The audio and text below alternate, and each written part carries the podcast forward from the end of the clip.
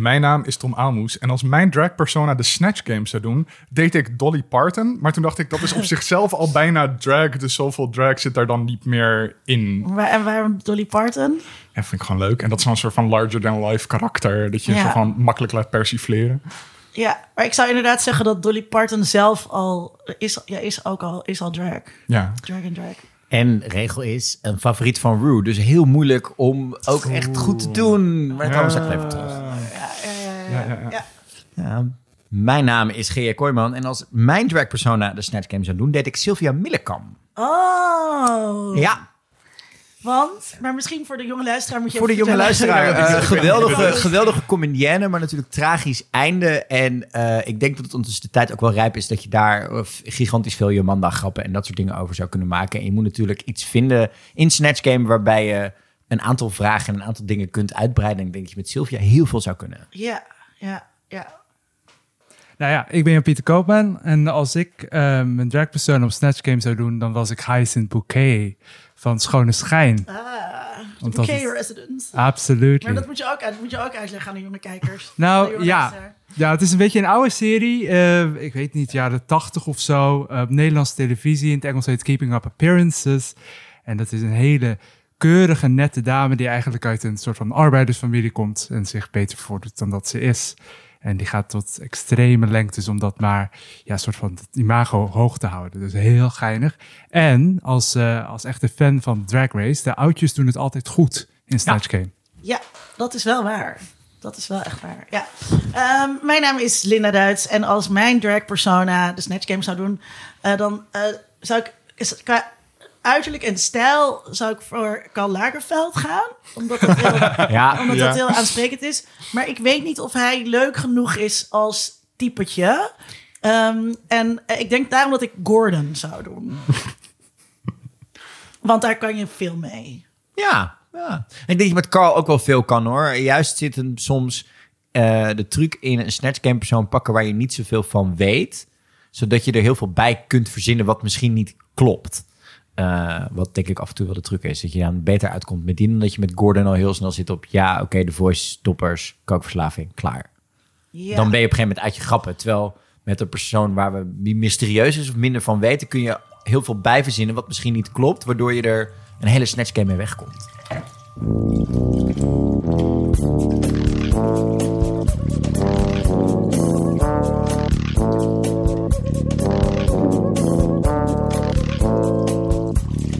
Welkom, eh beste luisteraar, bij een speciale Pride-editie van Geeky eh, Dingen. Onmiskenbaar gaan we het hebben over RuPaul's Drag Race.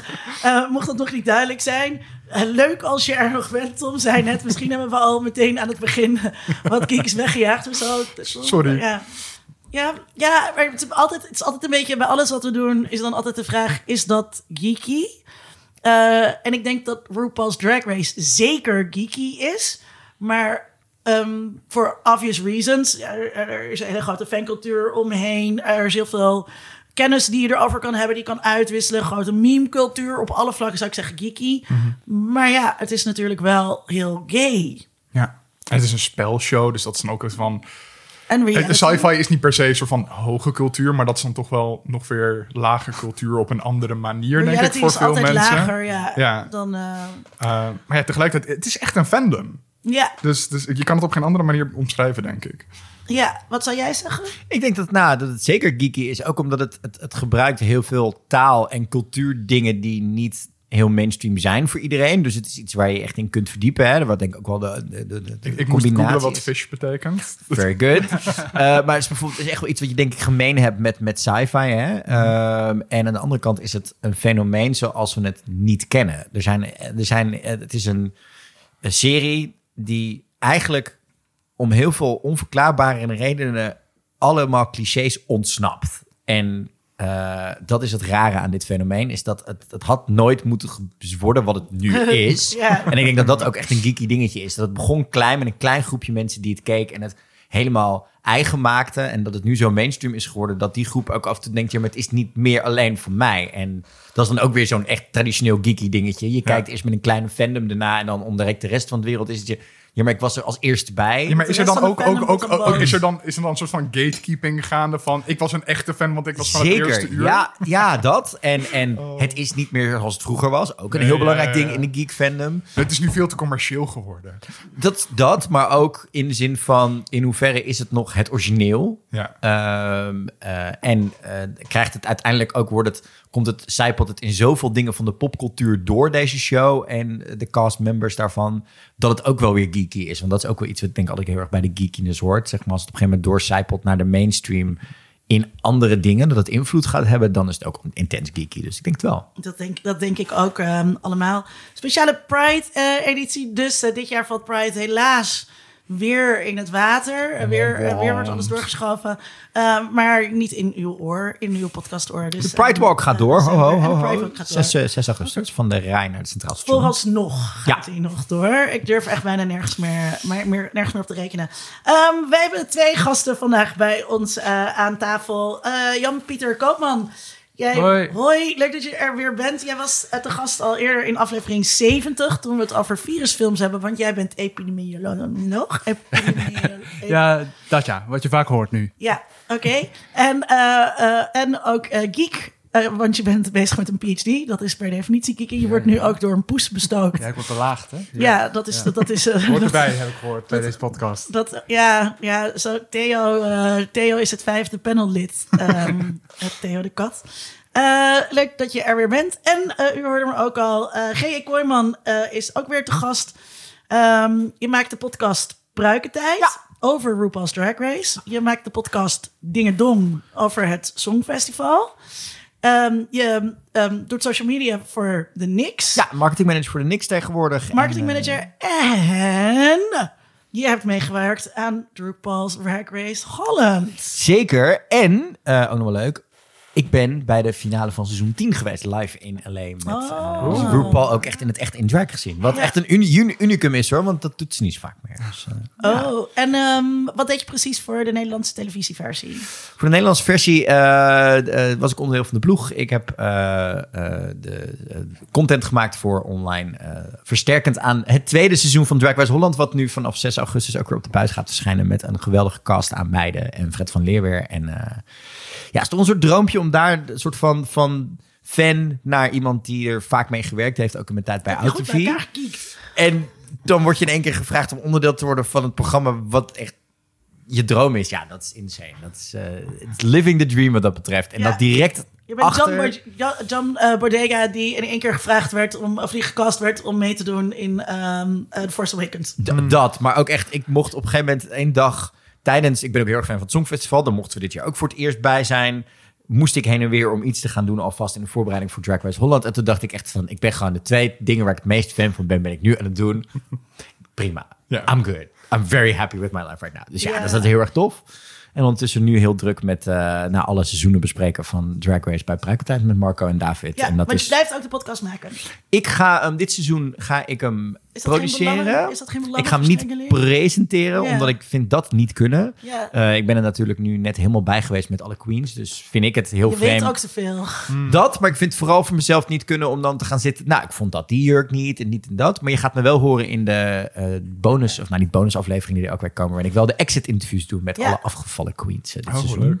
Nice. Dus daar, eh, daar ben ik wel bij betrokken dit jaar. En eh, ja, dat wordt een, eh, ik ben heel benieuwd wat de jongens ervan vinden. Want ik weet natuurlijk alles al. En ik ken een beetje hun smaak en ideeën. Dus ik zit eigenlijk straks op een bankje terwijl ze hun aan het opnemen zijn. Samen met dit seizoen komt Frank Huiskamp van de NRC erbij. Die wordt Ah, mijn leuk. vervanger dit seizoen. Eh, ben ik heel benieuwd naar hun meningen over eh, mijn queens in ons seizoen. Dus Ja, benieuwd. ja, ja. Dat, wordt dan, dat is dan van jouw eigen. Ehm, de aandachtige luisteraar heeft al gemerkt dat we het format een klein beetje omgegooid hebben Mhm. aan het begin. Maar we zijn natuurlijk niet gestopt met de terugblik.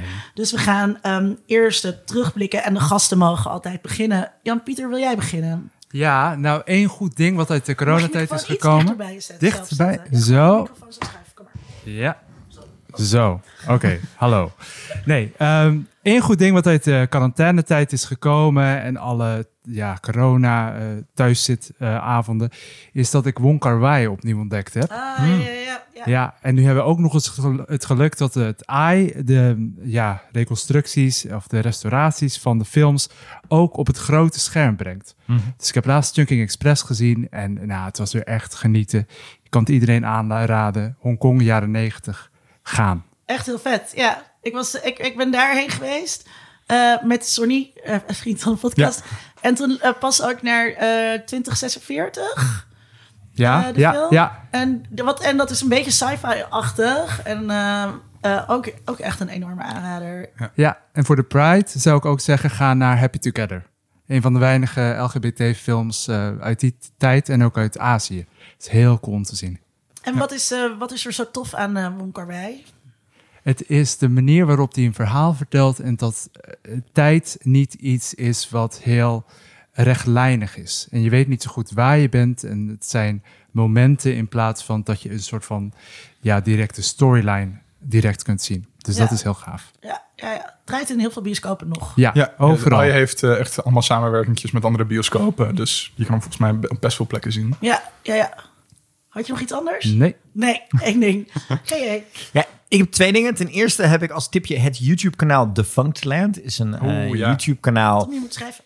Ehm, is eh, een YouTube-kanaal door eh, Kevin Perjurer met een van de fijnste stemmen van het internet ooit. Eh, hij is fan van onder andere Disney eh, en maakt echt hele toffe YouTube-documentaires, maar echt soms van uur tot anderhalf uur lang. Een van de aanraders is bijvoorbeeld de Jim Henson eh, docu die hij gemaakt heeft.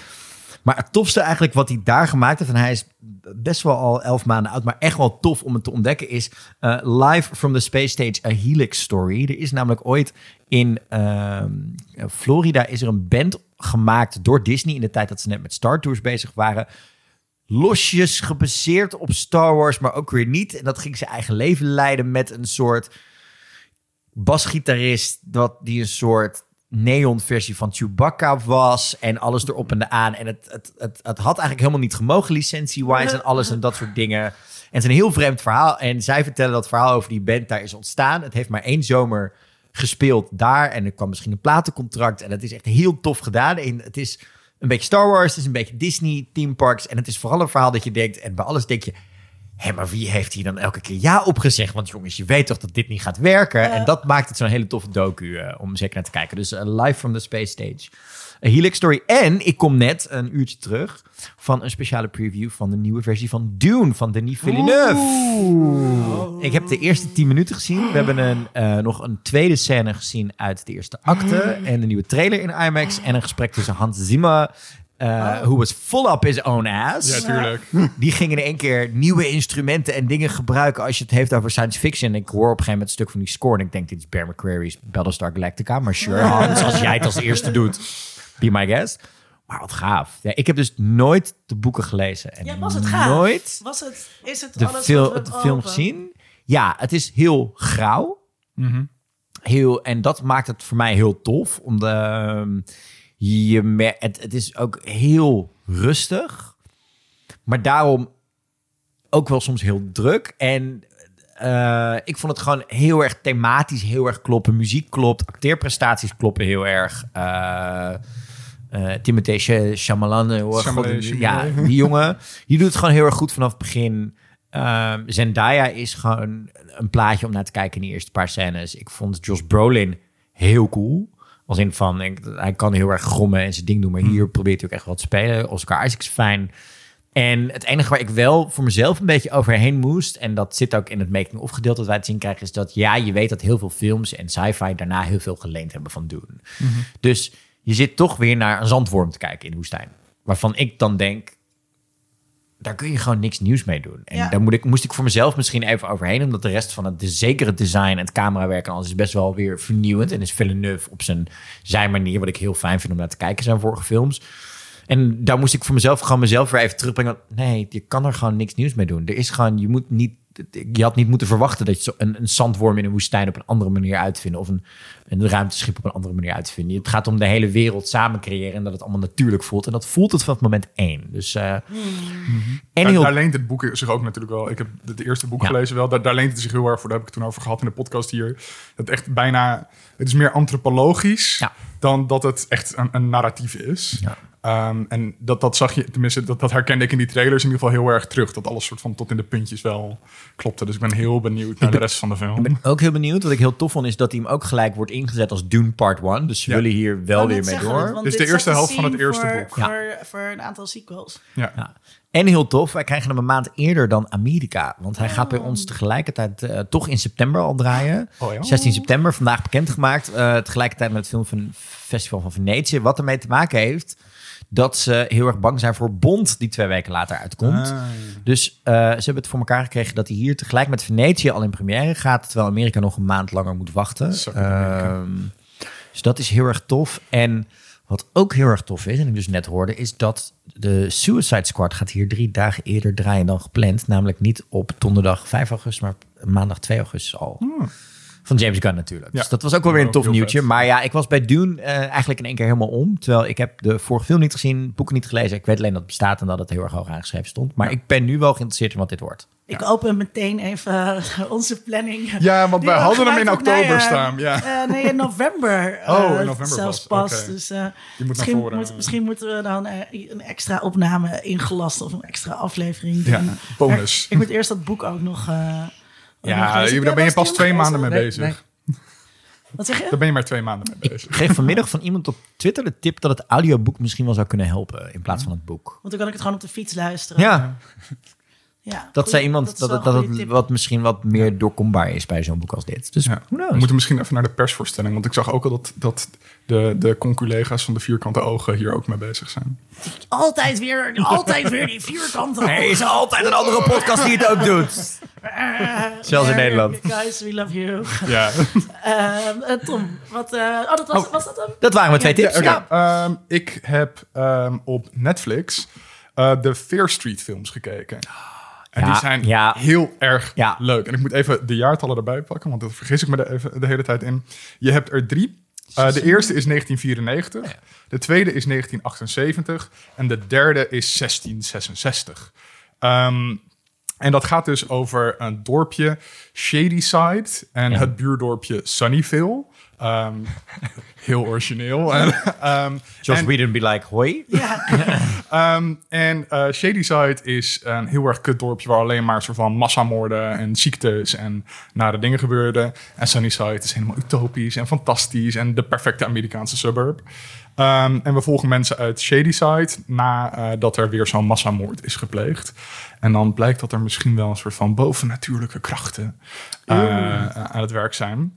En eh, daar komen we dan dus ook achter, dat ligt allemaal aan een heks. Dat is niet echt een spoiler. Ehm, en dus gaan ze erachter komen van... oké, maar hoe gaan we dit oplossen... en kunnen we de vloek van de heks opheffen?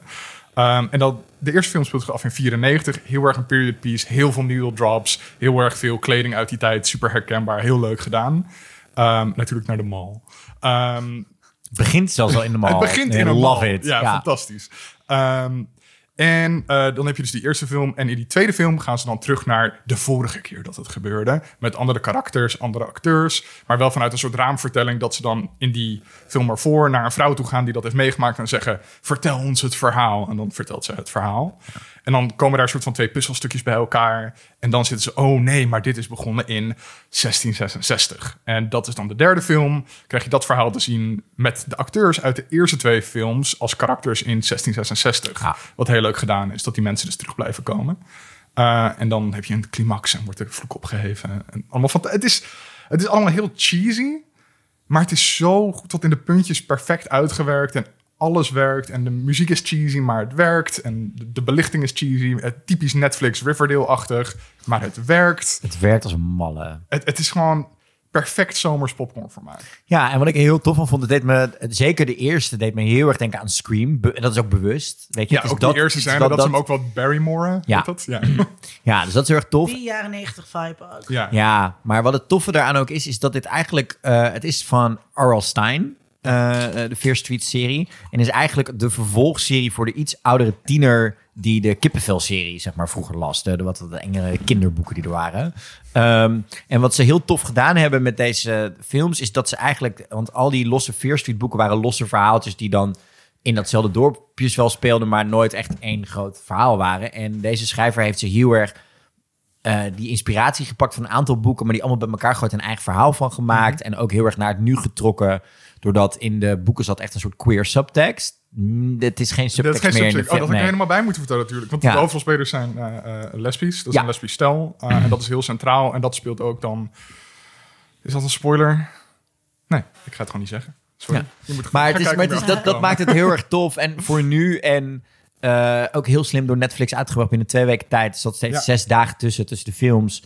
Eh, en het was in één keer is het er. En ik denk dat dit echt wel eh, een, een nieuwe franchise voor hun gaat worden... waar ze heel veel mee kunnen. Eh, ja, heel blij mee. En ook het, dat distributie-idee van inderdaad elke week met een film uitkomen... en dan heb je in twee weken een trilogie staan. Ja. Ik denk dat we dat wel vaker gaan zien. Want dit had een serie van tien afleveringen kunnen worden. Hadden ze prima kunnen doen. Maar zoals drie films werkt het denk ik beter. Ehm, Zeker omdat ja, elke film ook de, de, de tijd nog even kreeg om een beetje, zeg maar, Twitter en Instagram Iets te pakken. bezinken Ja. Maar ook dat, dat, bus te Ja. krijgen, waardoor je ook En theorievorming ook van... Oeh, maar wat is er echt aan de hand? waardoor je na twee weken ook nog echt prima kon instappen. In plaats van dat je inderdaad na tien weken denkt, ook ik moet nu nog tien afleveringen bij kijken. Nee, je kon wel gewoon die twee Maar films ik hoor ook wel andere mensen zeggen dat... ehm eh, Anke Meijer zei dit bijvoorbeeld een keer in haar eh, zeer leeswaardige nieuwsbrief eh, over series. Dat ehm, we veel meer series weer gaan zien die eh, wekelijks eh, Ja. komen... in plaats van in één keer gedropt worden om ook promotionele redenen. Ja. Ja, je ziet dat dat bij Disney echt gigantisch goed werkt natuurlijk met de Mandalorian en de Marvel-series. En die zijn er ook echt op geschreven dat er een cliffhanger is of een hype momentje Ja. waar, waar op social media dan over gepraat kan worden. En dat genereert dan zijn eigen... Wat wel echt Eh, interessant PR, is, omdat toen Netflix kwam, toen heb ik, ik heb toen met Onder Media ook toen een podcast, de aflevering gemaakt over nieuwe televisie kijken. Eh, en ook hoe zeg maar scripts anders in Ja. elkaar Ja. zitten. Eh, als je geen ehm reclameblokken meer hebt, want er was vroeger zat er ook een soort klein cliffhangertje voor Ja. het reclameblokje. Wow. Eh, en kon je ook heel duidelijk zien, hier gaan we naar de reclame. Ja. Ehm, maar ook eh, als je weet dat iedereen meteen doorkijkt. Dus dan hoeft zo'n aflevering, nou die is 45 minuten, maar die hoeft natuurlijk niet echt per se een einde Nee. te hebben. Want de volgende start meteen. Maar daar gaan we dus dan wel weer van weg. Nou, ik sprak van de week, las ik, eh, of was ik aan het luisteren naar eh, Still Watching met Joanna Robinson en Anthony Brasilican, zeg maar deze podcast, maar dan van Vanity Fair in het Amerikaans. Die had het over Loki. En toen zei ehm, eh, de regisseuse ook van, ik denk dat je nu gewoon die twee verschillende stijlen naast elkaar gaat hebben. En dat het echt van de schrijver gaat afhangen en het platform. Wat willen we met de serie? En dat je dus verschillende stijlen series, zoals een Bridgerton, was heerlijk in één keer doorkijken. Maar iets wat spannender is met cliffhangers en theorieën leent zich meer voor inderdaad een wekelijks Ja. ding. En Bridgerton was echt, dat werd eh, met de kerst Ja. eh, gedropt. Zodat je dat ook gewoon, ja, ik heb dat toen... vrij, ja. Ik, ik heb het in heb één keer achter doorgekeken. elkaar, ja, met een, met, een, met een kater volgens mij op derde Ja. kerstdag. Heerlijk. Gewoon ook. En dat, en dat is dan ook wel wat je wilt. Maar het hangt dan denk ik heel erg ook af van... ehm, welk publiek wil je bereiken? Wat voor hype kan er Ja. zijn? Wat is het, de, de tijd van het jaar dat zoiets gedropt gaat worden? Ja, en wat ik denk ook ze een soort van bekijken. Ik denk dat het allemaal data gestuurd is. Nu Netflix die verzamelt alles. Mhm. En wat doet wanneer het beste? Ja. Ja. Voor welke genres Ja. voor welke doelgroepen? Ja, dat denk ik ook. Ja, en je ziet bijvoorbeeld ook... ehm, wat ik wel interessant vond, en dat zat ook in, in Still Watching... want ze hadden, trokken heel erg de vergelijking qua Loki... eh, waar ze het nu over hadden de afgelopen weken met Lost... ehm, is de discussie over de filler episodes. Zeg maar, Oh ja. hè? Dat, dat, op een gegeven moment gingen we natuurlijk naar de grotere series. Als je kijkt naar het hoogtepunt van het grote tv kijken... dan zitten we toch in de periode van Lost, Desperate Housewives... dat soort achtige series. Dan moesten er steeds maar meer afleveringen komen. De normale season order was toen eerst 20, werd 22, werd 24. Dus moest je gewoon 24 afleveringen maken. Bij Los was het op een gegeven moment gewoon filler seasons. Ja, maar aan de andere kant, en daar kwamen zij dus mee, is dat doordat die seizoenen nu steeds korter worden, mis je af en toe de kans om, wat ze bij Loki bijvoorbeeld heel goed deden, is die derde aflevering. In, net zoals bij Lost heb je de aflevering eh, Trisha Tanaka is Dead. Een aflevering waar bijna niets in gebeurt, maar je de karakters wel zo beter leert kennen qua persoonlijkheden en motivaties, dat acties die ze later in het seizoen richting een cliffhanger maken, begrijpelijker zijn geworden. Eh, omdat je die karakters beter kent. Maar dat heeft ook te maken. Ik weet nog ehm, eh, dat een van de eerste dingen die. eh, nou, niet een van de eerste dingen die we bingeden, want je had natuurlijk al eh, MTV's Marathon Weekend. Maar een van de eerste dingen die ik zou bingen was 24. Eh, en dat keken we achter elkaar. En die aflevering is allemaal zo high-paced omdat het gewoon elke aflevering duurt een uur. En het was helemaal nooit gemaakt om achter klok. elkaar te kijken. Ja. Nee. Maar wij keken dus achter elkaar. En dus op een gegeven moment Ehm, en toen moesten we even naar de Albert Heijn. En we waren helemaal high. We waren gewoon helemaal gejaagd, zeg maar. Alsof we doorgesnoven. Weet je wel? En toen liep je langs het Leidse bosje en toen dacht je ook dat er een mountain lion achter je zat. Maar je denkt, van overal, overal gebeurt er iets. En nu komt er een twist en zo. En nu moet Ja. iemand gaan martelen zonder reden. En, eh, En ze nam ook de telefoon op. Damn it, Chloe! Maar je kan, je kan dus eigenlijk helemaal niet op zo'n hoog tempo een Ja. binge-serie maken. Nee. Want dan wordt de kijker Nee. gewoon gek. Ja. Ja. Nee, maar ja, dus... dus- maar Fear Street inderdaad Ja, aanrader. Ze lijken misschien wat kiddie, maar zeker voor het genre eh van Naad zijn ze echt heel erg tof. Ja, echt heel erg leuk. Ik had nog een andere die ook wel een beetje LGBT is. Eh, Luca van Disney. Dat gaat over een vriendschap tussen twee jochies in een Italiaanse zomer. Eh, vergelijkingen met Call Me By Your Name waren snel gemaakt. En als je internet maakte dan al direct naar de eerste trailer dat het was Call Me By Your Luca, werd het Ja. gelijk al. Ehm, uiteindelijk is dat natuurlijk omdat het eh, Disney Pixar is. Niet in de film, Eh, helaas. Maar... Er zit geen persik in. Er zit, er zit ook geen persik in. Maar, maar ik kom erop. Het, het verhaal is wel een soort van best wel een soort van queer narrative. Het gaat over twee eh, jonge zeemonstertjes. En als zij uit het water op het land springen, dan veranderen ze in gewone mensen. Ehm, en ehm, bij elkaar leren ze dat dan een beetje van, oh, we zijn mensen, oh, wat is leuk, we gaan. Eh, en dan gaan ze de mensenwereld in en dan moeten ze de hele tijd verbergen van de rest van de wereld dat ze zeemonstertjes zijn. Oh, dus je, moet Ehm, iets, je moet iets over hun identiteit verbergen. Ja. Dat. En ze komen ook een meisje tegen die niet heel erg lekker ligt in het dorpje. Daar worden ze allebei bevriend mee. En daardoor wordt de vriendschap op een gegeven moment wat minder. Want die ene neigt het meer naar dat meisje toe, omdat zij naar school gaat. En dat wil hij ook. Waardoor die andere vriend zich Wat buiten op geen enkel punt romantisch gekaderd wordt. Wat Nee. ik wel verfrissend vond. Wat, wat wel, zeg maar, wat je wel herkent, is dat die andere jongen daar heel erg jaloers op Mhm. wordt, inderdaad. Ehm, maar ik vond het juist, ik heb deze discussie namelijk met heel veel queer mensen gehad op, hè, had die subtekst duidelijker moeten zijn of had het geen subtekst moeten zijn. Maar ik had zoiets, het zijn koters van 9 à 10 jaar oud. Weet je, het gaat letterlijk of hij naar de middelbare school of school durft te gaan. Een basisschool of een middelbare school. Dan hoeft voor mij het echt niet die queer subtekst er zo duidelijk in te zitten... dat het uiteindelijk om een liefdesding tussen die twee jongens ging. Die band tussen die jongens aan het einde is zo duidelijk tussen die twee... dat je je erin herkent als queer persoon... in welke relatievorm dan ook, in welke leeftijd dan ook. Ja. Maar het zijn kinderen, kom op. Ja, maar het is natuurlijk wel... Het is, Het is heel duidelijk. Van, Het is heel Het zit er wel duidelijk, in. ja. Ehm, en het, het is ook wel een beetje queerbait. Ehm, Vind ik dus niet. Omdat, het, jawel, omdat, maar het dus, gewoon- omdat, het dus, omdat het dus om zulke jongere kinderen gaat qua personages, vond ik het geen queerbaiting. Oké, oké. Eh, maar tegelijkertijd, dus los van al dit, een hele leuke, charmante film. Het is een Pixar-film. Eh, Eh, de dat kat is briljant. De kat is briljant. Ja. En natuurlijk even Stelentio Bruno.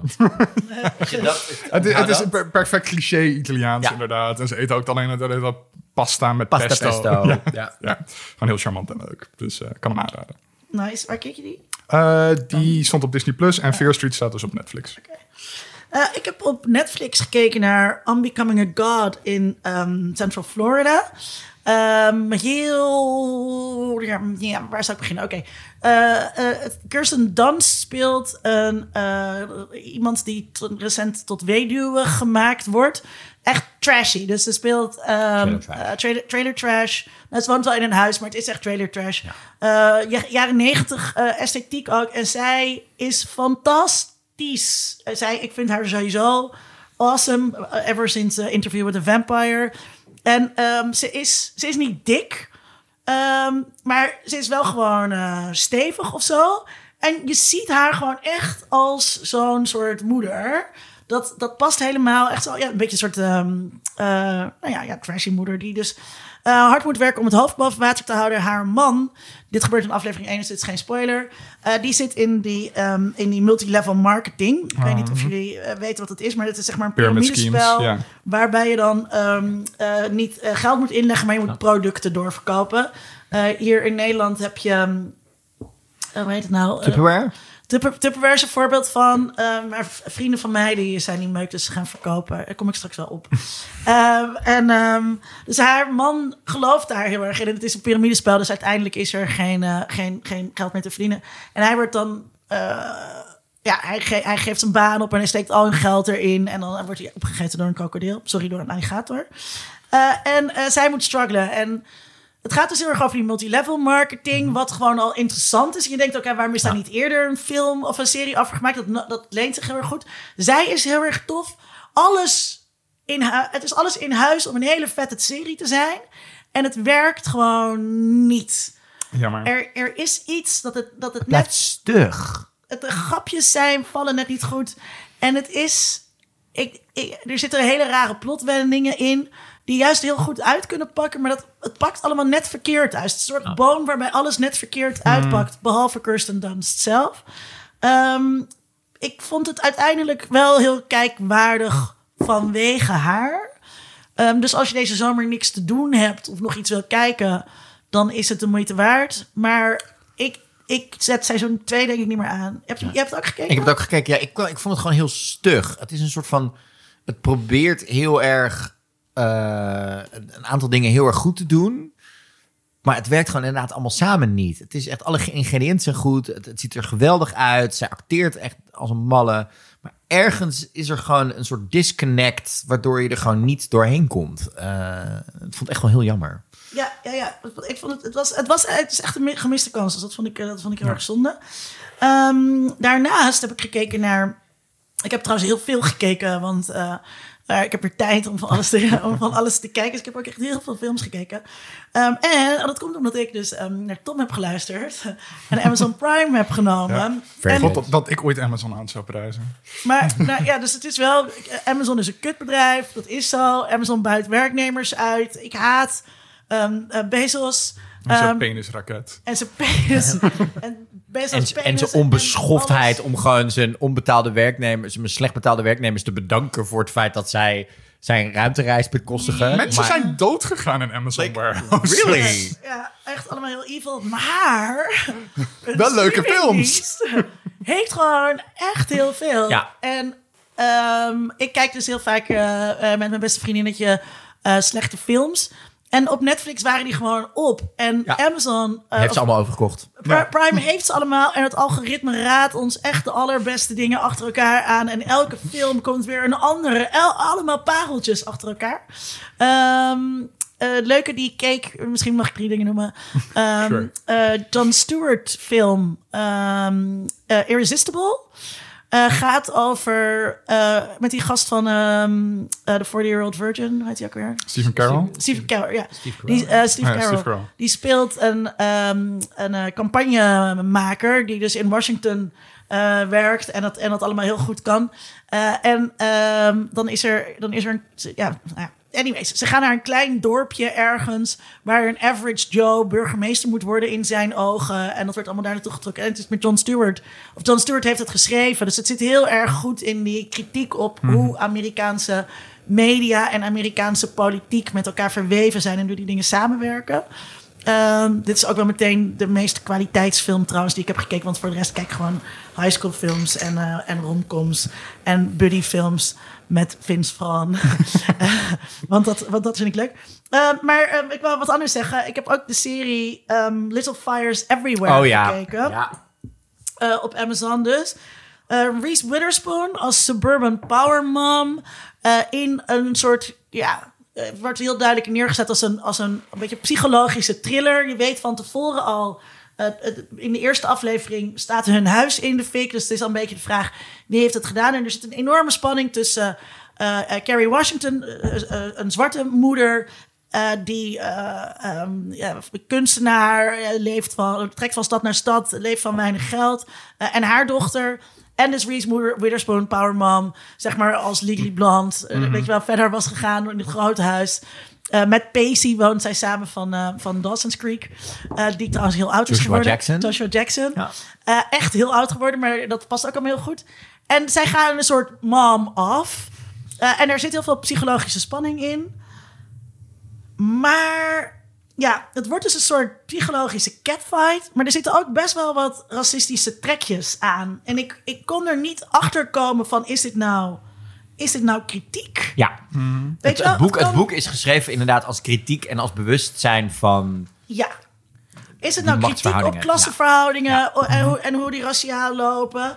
Maar ehm, je- ja, gewoon wel die, die, dat, dat Carrie Washington, weet je wel, die is dan aan de drugs ook. En seksueel vrijgevochten. Dus ik, ik- weet je wel, het is gewoon ook de, de, een, een beeld van de zwarte Gewoon moeder. een beetje een Jezebel. eh, Precies, ja. ja. waar, ik, waar ik heel veel moeite mee had. Maar misschien ben ik gewoon ook heel polycoor. Het laat wel echt de struggles van moederschap eh, zien. En ik was heel, maar ik was ook dermate geïnvesteerd om te we- willen weten hoe het zat. Die kinderen eh, eh, van Reese Witherspoon zijn ook allemaal interessant. Dus dat spel met die moeders ehm, boeide me uiteindelijk wel voldoende om ehm, dit is wel graag tot het einde willen af te kijken. Terwijl ik dat met ehm, Om Becoming a God in Florida. ja, dat, ja. Ik, had- dat heb ik echt verplicht afgekeken, omdat ik gewoon dat af moest maken. Het begint trouwens wel echt een soort van battle te worden tussen Nicole Kidman en Reese Witherspoon. Wie in de meeste thriller, suburban-achtige series, de meest kwaliteitsseries in de komende vijf jaar gaat spelen. Zeg maar, ze, ze zijn natuurlijk samen in Big Little Lies begonnen. En het is echt een soort van, sh- die twee hebben tv ontdekt in de miniseries. En Ja. Just keep on going. Maar Nicole Kidman heeft ergens gewoon een heel goed contact met HBO liggen of zo. Want nou, die nu zit gaat ze gewoon weer in de alles. White Lotus gaat Ja. ze weer doen. Wat echt een soort van En welke had ze nou vorig jaar met Hugh Grant? The Undoing. Oh ja. Ja, Ja, ook nog inderdaad. En Reese zit natuurlijk ook nog natuurlijk in eh, de Morning Show, waar het tweede seizoen ervan aankomt. Dat ik echt, het is wel lekker hoor. Dat die twee en Big Little Lies gaan dus nu ook toch wel weer te gaan praten over het derde seizoen. Maar Ik zou dus, ik zou, en dat hebben we wel vaker gezegd in, ehm, in, eh, in deze podcast. Ik zou wat meer sociologische verhalen verteld willen zien. Eh, dus dit had zich daar best wel voor geleend. Om het dus meer sociologisch te maken in plaats van die psychologische thriller die het is geworden. Want daarmee wordt het een strijd tussen twee individuele vrouwen. In plaats van dat je toch kunt highlighten hoe dat nou institutioneel zit. En die ongelijkheid in kansen en de keuzes. Op een gegeven moment zegt Carrie Washington eh, iets over. ehm, eh, you had options. Weet je, dat, Ja. dat, dat privilege betekent ook dat je keuzes eh, eh, kunt maken. Terwijl zij het gevoel dat ze geen keuze had, wat ik een beetje flauw vond. Eh, maar dat dat, dat, dat dus, ik, ik denk als je hier, als je het op een andere manier benadert als schrijvers, dat er veel meer uit te halen zou zijn dan wat er nu in dit genre zit. Ik denk dat het probleem bij, en dat is dan het, toevallig het probleem van toevallig ook Reese en Nicole is, dit zijn allemaal goed, goede thrillers.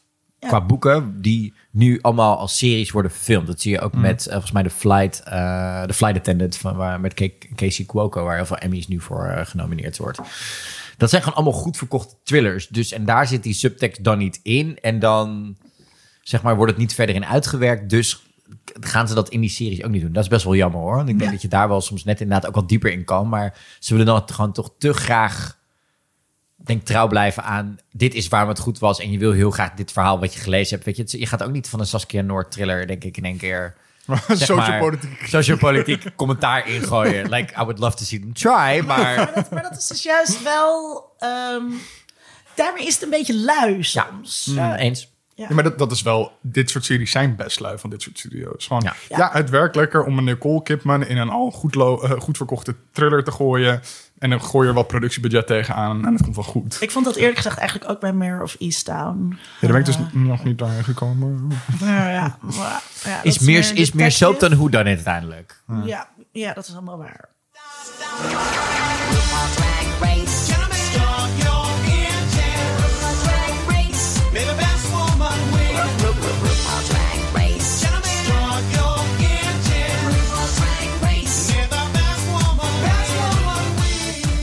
We gaan het hebben over RuPaul's Drag Race.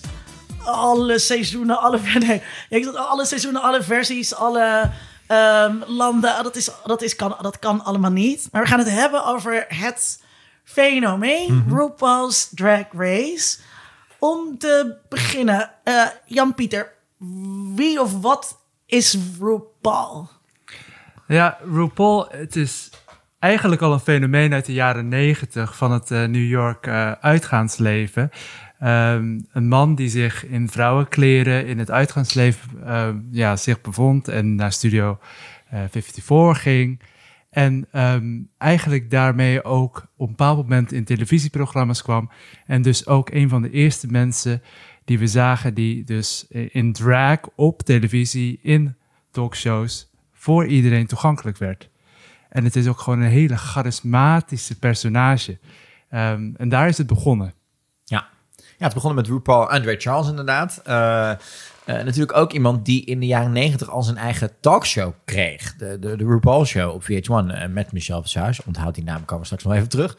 Ehm, en heeft gewoon op een rare manier met ook haar eerste single, Supermodel, een soort van de mainstream geraakt. Het was de eerste drag queen die gelijk als drag queen de mainstream inkwam. Niet eerst als een mannelijke comedian die dan zeg maar drag ging doen in een karakter of als een, een special, hè, zoals we dat daarvoor denk ik heel vaak kenden, in de, zeker in de Amerikaanse mainstream.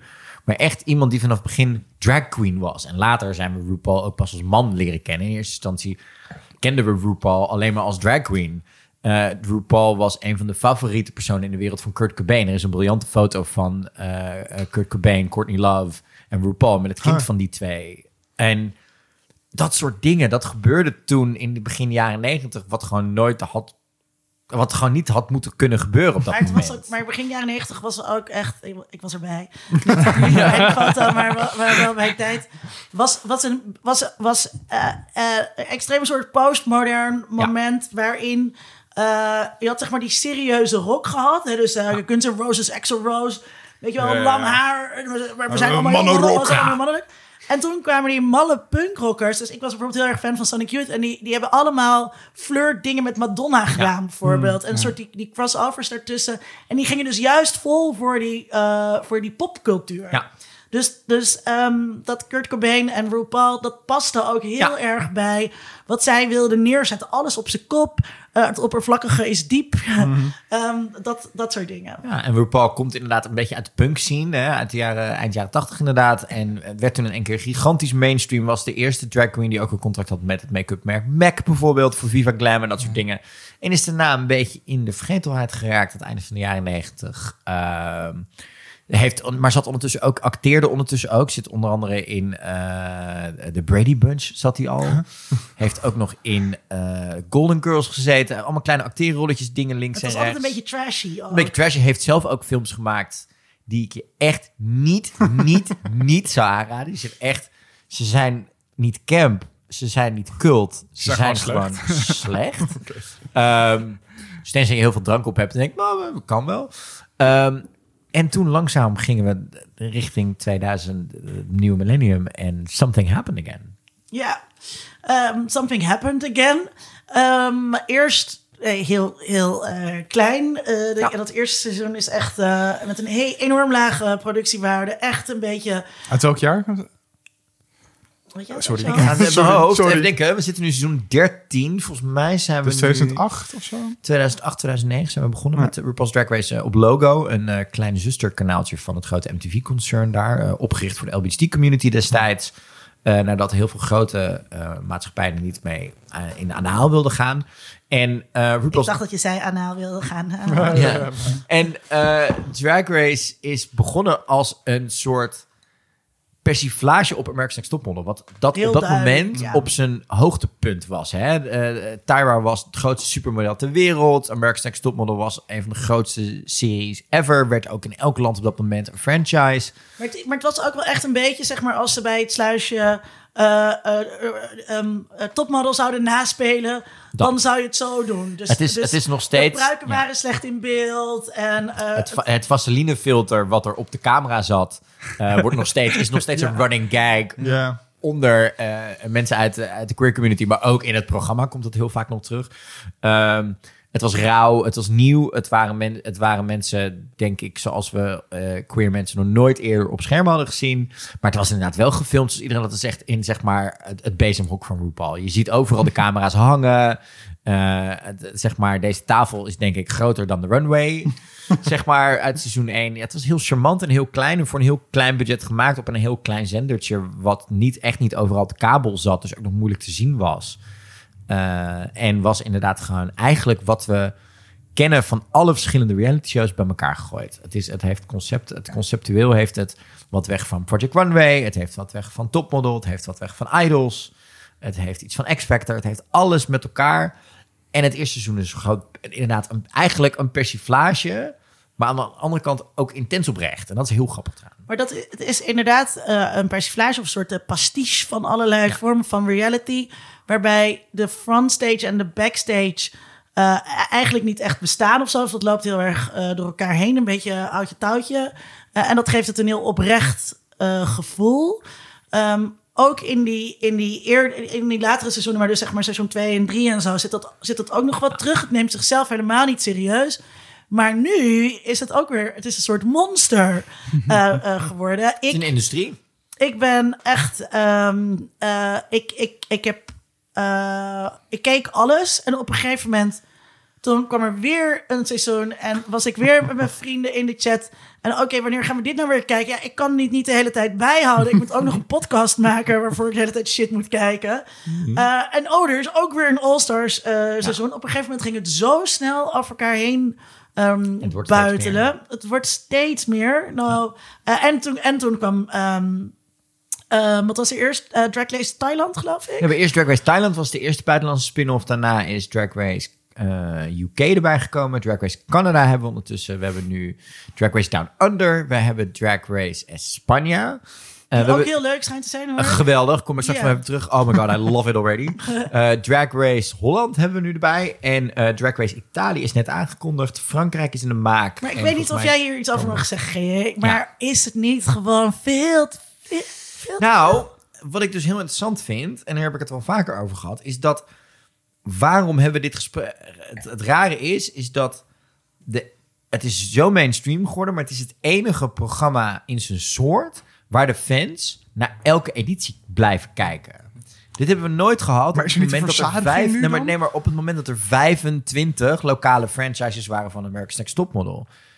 Nee, Daar maar kijk je maar- topmodel, maar, maar dat is topmodel dus is, de geen... eh, niemand is fan van topmodel. Uh, het, het- het zou Ja, je verbazen ja, hoeveel is- fans daarvan nee, zijn. maar het is... Het is dus Niet op reality, deze manier. Nee, Nee. reality shows zijn natuurlijk heel moeilijk om... Je kan er graag naar Ja. kijken. Ja. Maar om echt fandom voor te ontwisselen... daar, daar leent gewoon het, het genre zich Nee, en dat is dus het rare, dat het dus eigenlijk, terwijl het genre natuurlijk eigenlijk sinds 99, 2000 echt zich zo ontpopt, is eigenlijk sinds 2014, 15 is het, is, is deze zo groot geworden dat dit is het enige reality-programma waar alle fans alle edities van willen zien.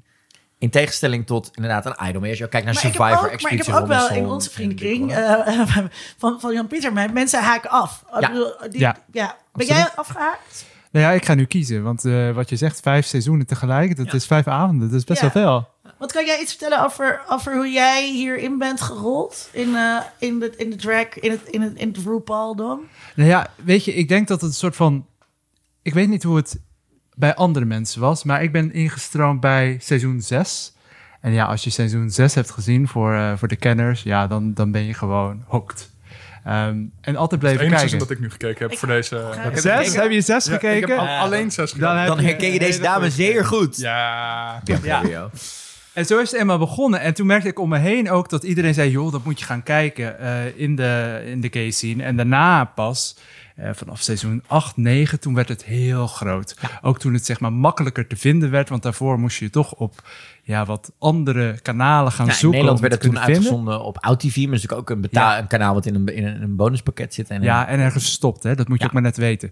Ehm, en, en nu is het ook zo makkelijk geworden. eh, met Netflix. Met eh, Wow Percent Plus. Absoluut. Ja. Dus het is, het, is goed, eh, het is nu goed eh, te vinden. Maar is- ja, ja, dat maakt ook uit. Dat ja. helpt zeker. En MTV Het zet het nu veel. uit. Want het is natuurlijk eh, in Nederland, wat ook Ja. heel erg meehelpt in een aantal landen. Maar eh, toen, ben je er, toen was je hooked. En hoe, is, hoe zit het nu? nu zijn er een aantal die ik heel leuk vind. Ik vind UK echt fantastisch. En ik vind Nederland echt verrassend leuk. Ehm, ook omdat het de taal is. En dat vind ik nu zo geinig ook met eh, de Britten en de Canadezen en Down Under.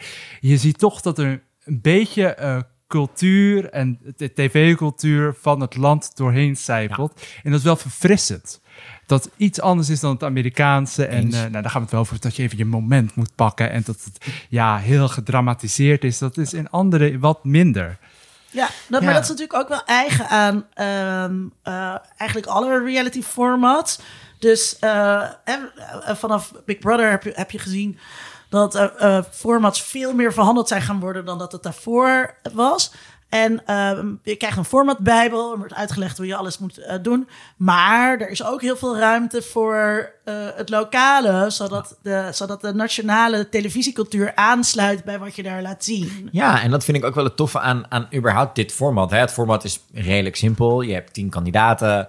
Zij doen opdrachten. Daarna is er een runway waarin ze in een thema een outfit laten zien die ze hebben meegenomen of gekocht hebben. Tegenwoordig heel vaak gekocht.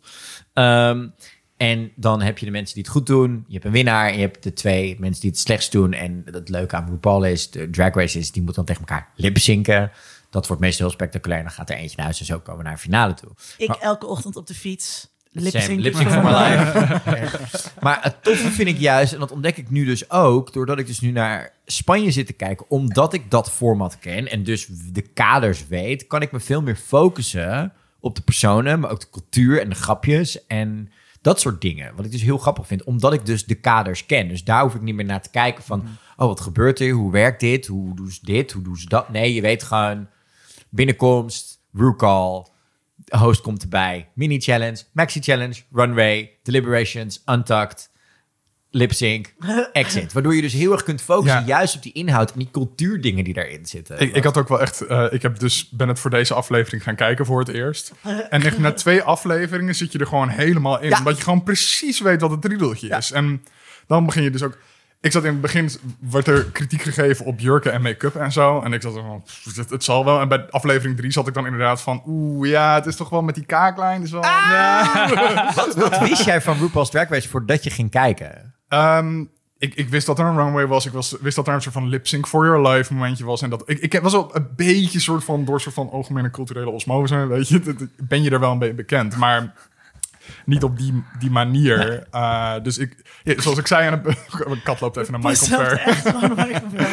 Ehm, ik moest opzoeken wat fish betekent. Ja. Ehm, dus dat, dat, dat laat al zien wat mijn kennisniveau eh, daarbij Maar, was. maar was je, had, je, had je dan dat je inderdaad bij aflevering 3 ook kon bedenken... ja, je hebt inderdaad wel heel erg weinig gedaan met het commentaar van de vorige keer. Ja. En ik zou je ook wel graag een keer in een andere rol willen zien. Ja, nee, precies. Maar je, je gaat er dan zo in mee, omdat je dat inderdaad gewoon zit. Want ja, inderdaad, ze doet de hele tijd alleen maar dat. Ja, ja. dat Ja. Vond, ik- vond ik dus heel leuk. Dus daardoor, als totale leek, en ik ben niet iemand die iets met reality tv heeft, maar ik, ik rolde er zo in.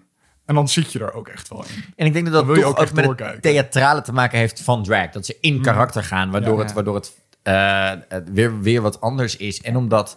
ehm, Maar en al die persoonlijkheden zijn daarmee ook zo groot. dat. Maar En dat botst lekker. Maar omdat je ook de mensen ehm, buiten drag ziet. Ja. En waar, waarin ze dan weer heel kwetsbaar eh, Mhm. eh, zijn. Eh, en heel eh, authentiek op een andere manier. Ehm, dat maakt het ook spannend of zo. Ja. Ja, en ik denk dat dat ook dat dat in het begin de kracht is geweest waarom dit programma door de community waardoor gemaakt werd en voorgemaakt werd ook zo omarmd werd. Wij zagen onszelf in één keer in veel meer facetten terug. Als je ook zeg Maar maar, even, hè, drag was best wel dood. drag was drag, Drag was, was- cliché, Drag was, was echt gewoon, ja, dat, dat, dat, was, dat was gewoon, weet je, Dolly, Dolly Bellefleur. Ja. En, eh, en Shuggy en er was, er in de Lellebel en dat was en het. de Lellebel, en, de dat was het, ja. echt. En, en eh, dus ook het hele idee van... ehm, wat, best wel, wat best wel gek is eigenlijk, zeg maar. Hè? Dus, dus eh, ehm, eh, vanuit, de, vanuit de wetenschap, je hebt queer-theorie... wat gaat over gender als performance. Dat sluit allemaal heel erg aan bij het idee van drag. En Ik, moest bij, volgens mij voor jouw vak toen een tekst van Butler over drag lezen, inderdaad. Ja, nou ja. Ja. over gender als performance. En, en, en zij eh, wij verwijst dan ook terug naar de, terug naar de ballroomcultuur Ja. in New York. Ehm, terwijl eh, in de gay scene ehm, eh, van, van eh, de jaren nul, sowieso de scene van de jaren nul was in Amsterdam best wel bedroevend. Hè? Uh, Koostra Boystra ging was, dood. was dood, dus al die horeca die, die, die ging weg. Er gebeurde niet zoveel meer. Je had Eh, een gat als je jonge, jonge als je queer was. Op dat moment ging je naar Pan en daarna was er niks. Totdat je inderdaad zeg maar de wat oudere bruine kroegen in kon. Ja, en, dus, en, en, en ik weet niet hoe dat in Amerika zat, maar in Amerika was drag op dat moment ook niet heel erg. Hoe meer we de kat Nee. wegzetten, hoe meer de kat weer Nee, was- het. drag was op dat moment was een versiering van je feestje, maar werd niet als kunstvorm gezien. Dus was het is, echt, want jij zegt vanuit de community, maar het was niet dat drag op dat moment vanuit de community heel veel aandacht kreeg. RuPaul Nee. heeft dat echt helemaal teruggebracht. nou, wat ik meer bedoel is dat wij zagen onszelf als queer personen, en zeker de homo mannen, zagen onszelf in één keer in veel meer facetten op tv. Op dat moment kwamen we net een beetje uit Amerikaans queer as folk. Hè, wat heel erg hypersexualized was. Ik bedoel, die scène begint natuurlijk, die serie begint natuurlijk met eh, de, br- de briljante scène: Do you know what ribbing is? Alright, let's get to it. Nou, dat, hè, d- dat was gelijk neerzettend wat die serie is. En we zagen een Stanford in Sex and the City. En we zagen Will and Grace. Will and Grace. En dat was een beetje de homo's die we op tv zagen. Maar de wat minder gladde kant van homoseksueel zijn. En ongeschreven. ongeschreven. Het gaat over ehm, de, angsten. Het gaat over de trauma's uit je jeugd. Het gaat over eh, jezelf zijn en ook jezelf vinden. En dat vinden met community door elkaar. En ook met vallen en opstaan en dat soort dingen. Ik denk dat dat de kracht van het beginseizoenen zijn. Is dat je jezelf voor het eerst op die manier terug ziet. Maar misschien ook wel dat je, dat je eh, echte mensen zag. Dus andere reality. eh ehm, kan me niet zo snel bedenken. Amerikaanse reality, waar je dan dus eh, gay personages in zag die dus niet heel over de top cliché homo's waren. Hè? Een kapper En dat- en die dat- iets in een metamorfose deed, maar echt inderdaad echte verhalen van echte mensen. Ja, en ze waren soms wel.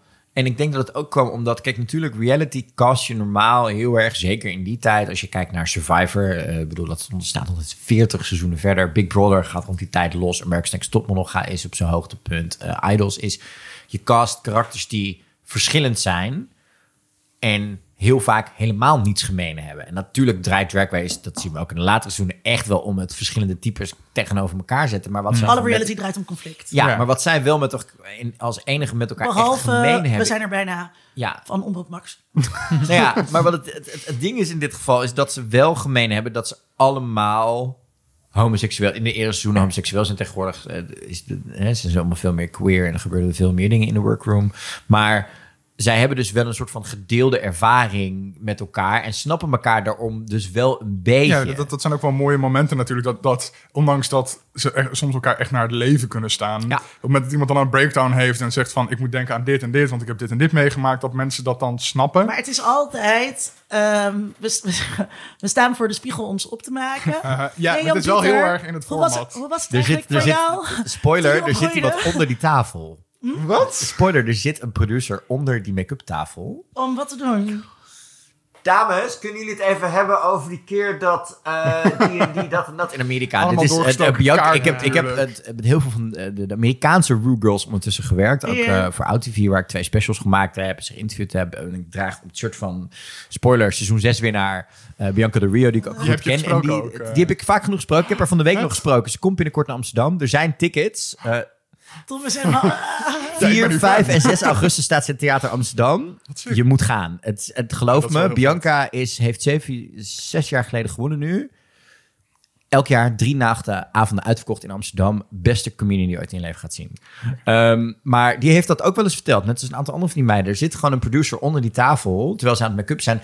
Kunnen we het nog even hebben over die keer dat jij het, zeg maar, je stoepkrijt gejat werd door de hetero je buurjongen? Dank je. maar dat, Zo beginnen maar, maar ja, dat, dat, verbaast dus- me ook weer niks. Maar Maar, het is. ehm, eh, het wordt ook.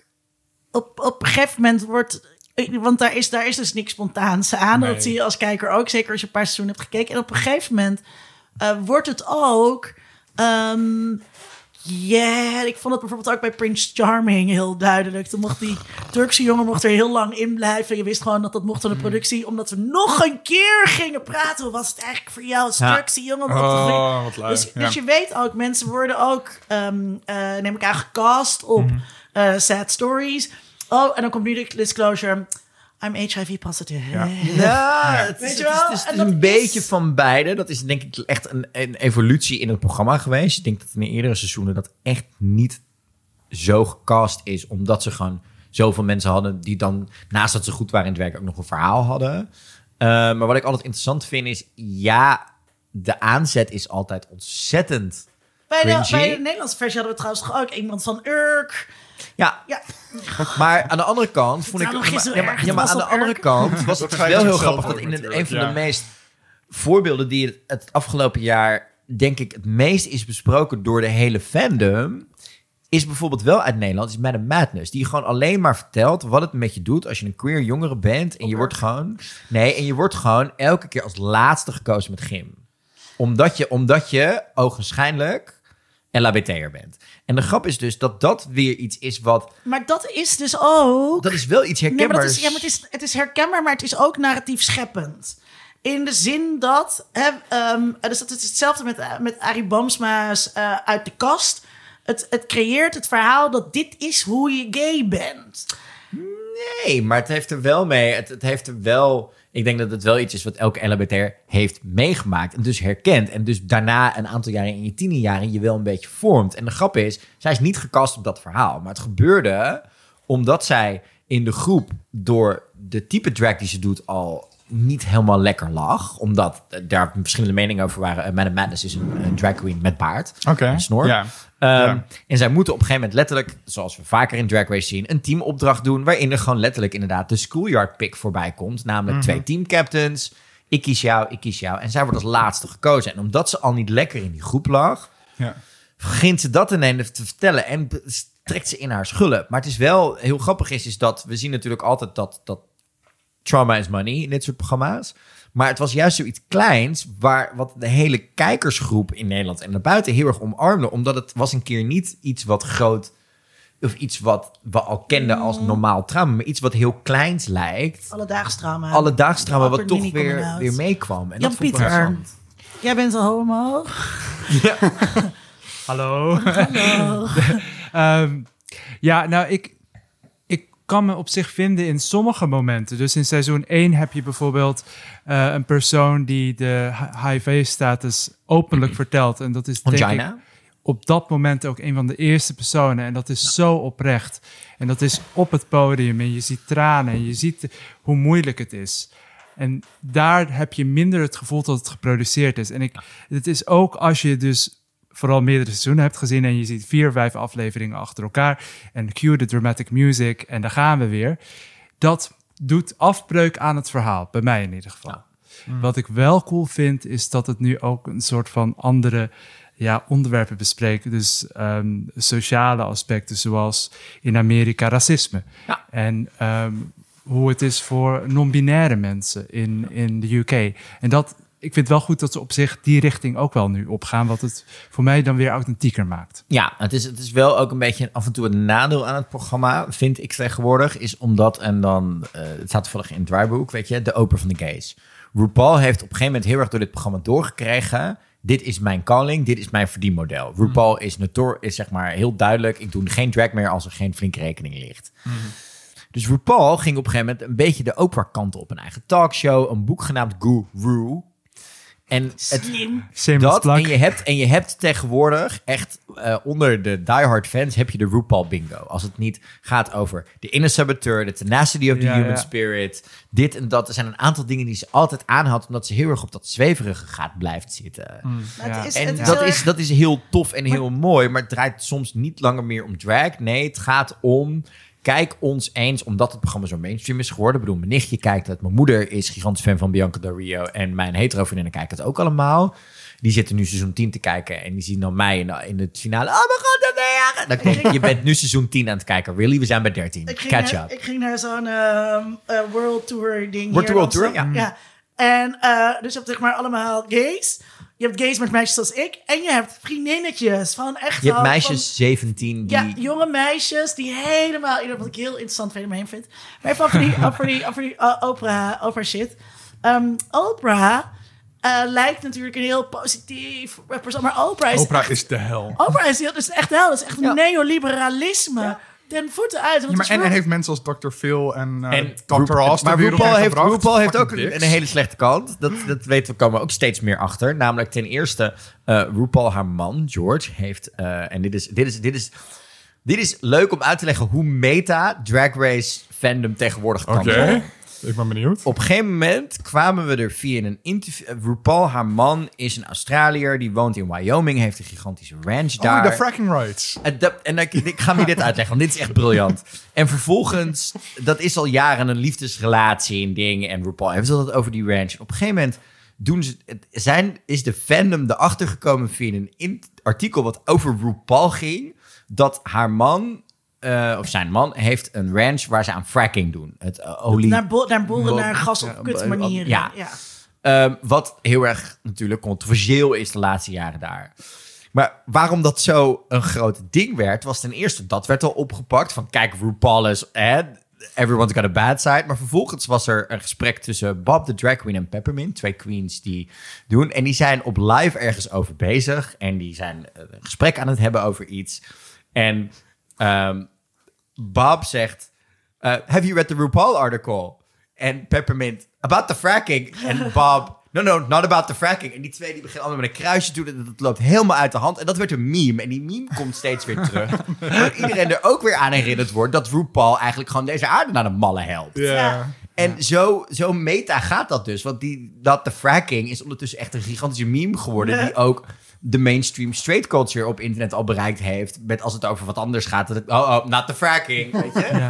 Zo Dat ver heb gaat dit programma ondertussen. Ehm, maar dus, want Oprah ehm, is, is heel erg de beste versie van jezelf zijn. Ja. Wat zo'n beetje het allerergste neoliberalisme Mhm. credo ooit is. Hè. Het, is, het is heel erg, als je hard werkt, als je maar genoeg droomt, Als je maar genoeg van jezelf Dan houdt. als je- ja, ja, Nou, dat is wat. RuPaul is. wat, je, Ja. wat je predikt. En ondertussen kan je dat dus bereiken door allerlei dingen te consumeren die RuPaul aanbeveelt. Ja. Of RuPaul dingen te consumeren. Wat echt ontzettend, eh, ontzettend kwalijk perfecte integratie tussen al die RuPaul-producten. In de lijn wordt het dan RuPaul's make-up lijn bij Color Revolution. Ja. En, Ja, eh, maar aan de andere kant- RuPaul's nieuwe single. maar de grap dat, is- staat dus, dat staat heel haaks op het emanciperen van minderheidsgroepen. En zeker eh, op het emanciperen van eh, minderheidsgroepen van kleur of trans. of intersecties die daartussen Ja, en de eh, grap, is, bestaan. de grap is, is wat daar gebeurd is. En twee dingen. Ten eerste, het was een persiflage op Tyra Banks die dat ook deed en doet. Hè? Mhm. Alle producten erin rammen en gaan. Maar het is nu geen pers... Dat is, Het is geen maar- Het is persiflage meer. Maar die money-machine en- is niet gepersifleerd. Nee, en het, ding, het probleem is ook... Hij met- geeft ook niet terug aan de community. Zoals Oh, nee, zeker niet. Je mag, als, drag, je mag als drag race queen moet je het eerste jaar volgens mij 15% van al je boekingen eh, moet Aan je aan World of Wonder afstaan, zeker. Fuck. Ehm, dus dat is ook een lekker verdienmodel. Maar wat het ook is, is, is dat RuPaul ondertussen een soort van heel hard gaat op... je. but I'm a black person, I'm a black queer person. So if I'm doing something, you know... It's, kan je nog steeds revolutionary. Maar dat is ook bij Oprah dus. En dat is, maar dat is het dus niet meer, omdat Nee. ze er ondertussen... Ze heeft ondertussen Bob the Drag Queen, Simone, eh, al die meiden. Net als goed Beyoncé is ook niet revolutionair. Het is precies hetzelfde appel dat Oprah deed, maar wat Beyoncé trouwens ook nog steeds doet. Eh, wat alle rappers eigenlijk doen, weet je wel. En Maar het ding is, RuPaul is bego- dus begonnen voor de twee, als punk. En is dit programma begonnen als persiflage op. En Ja. is nu dus zelf de persiflage Ja. geworden. de, sell, de sell-outs. Ja, dat is, dat is toch best wel... Ik vind dat best wel deprimerend. Als Ja, je kijkt van programma waar we zijn gegaan in eh, dat eerste seizoen, houtje touwtje, Ja. eh, Vaseline op de, op de camera.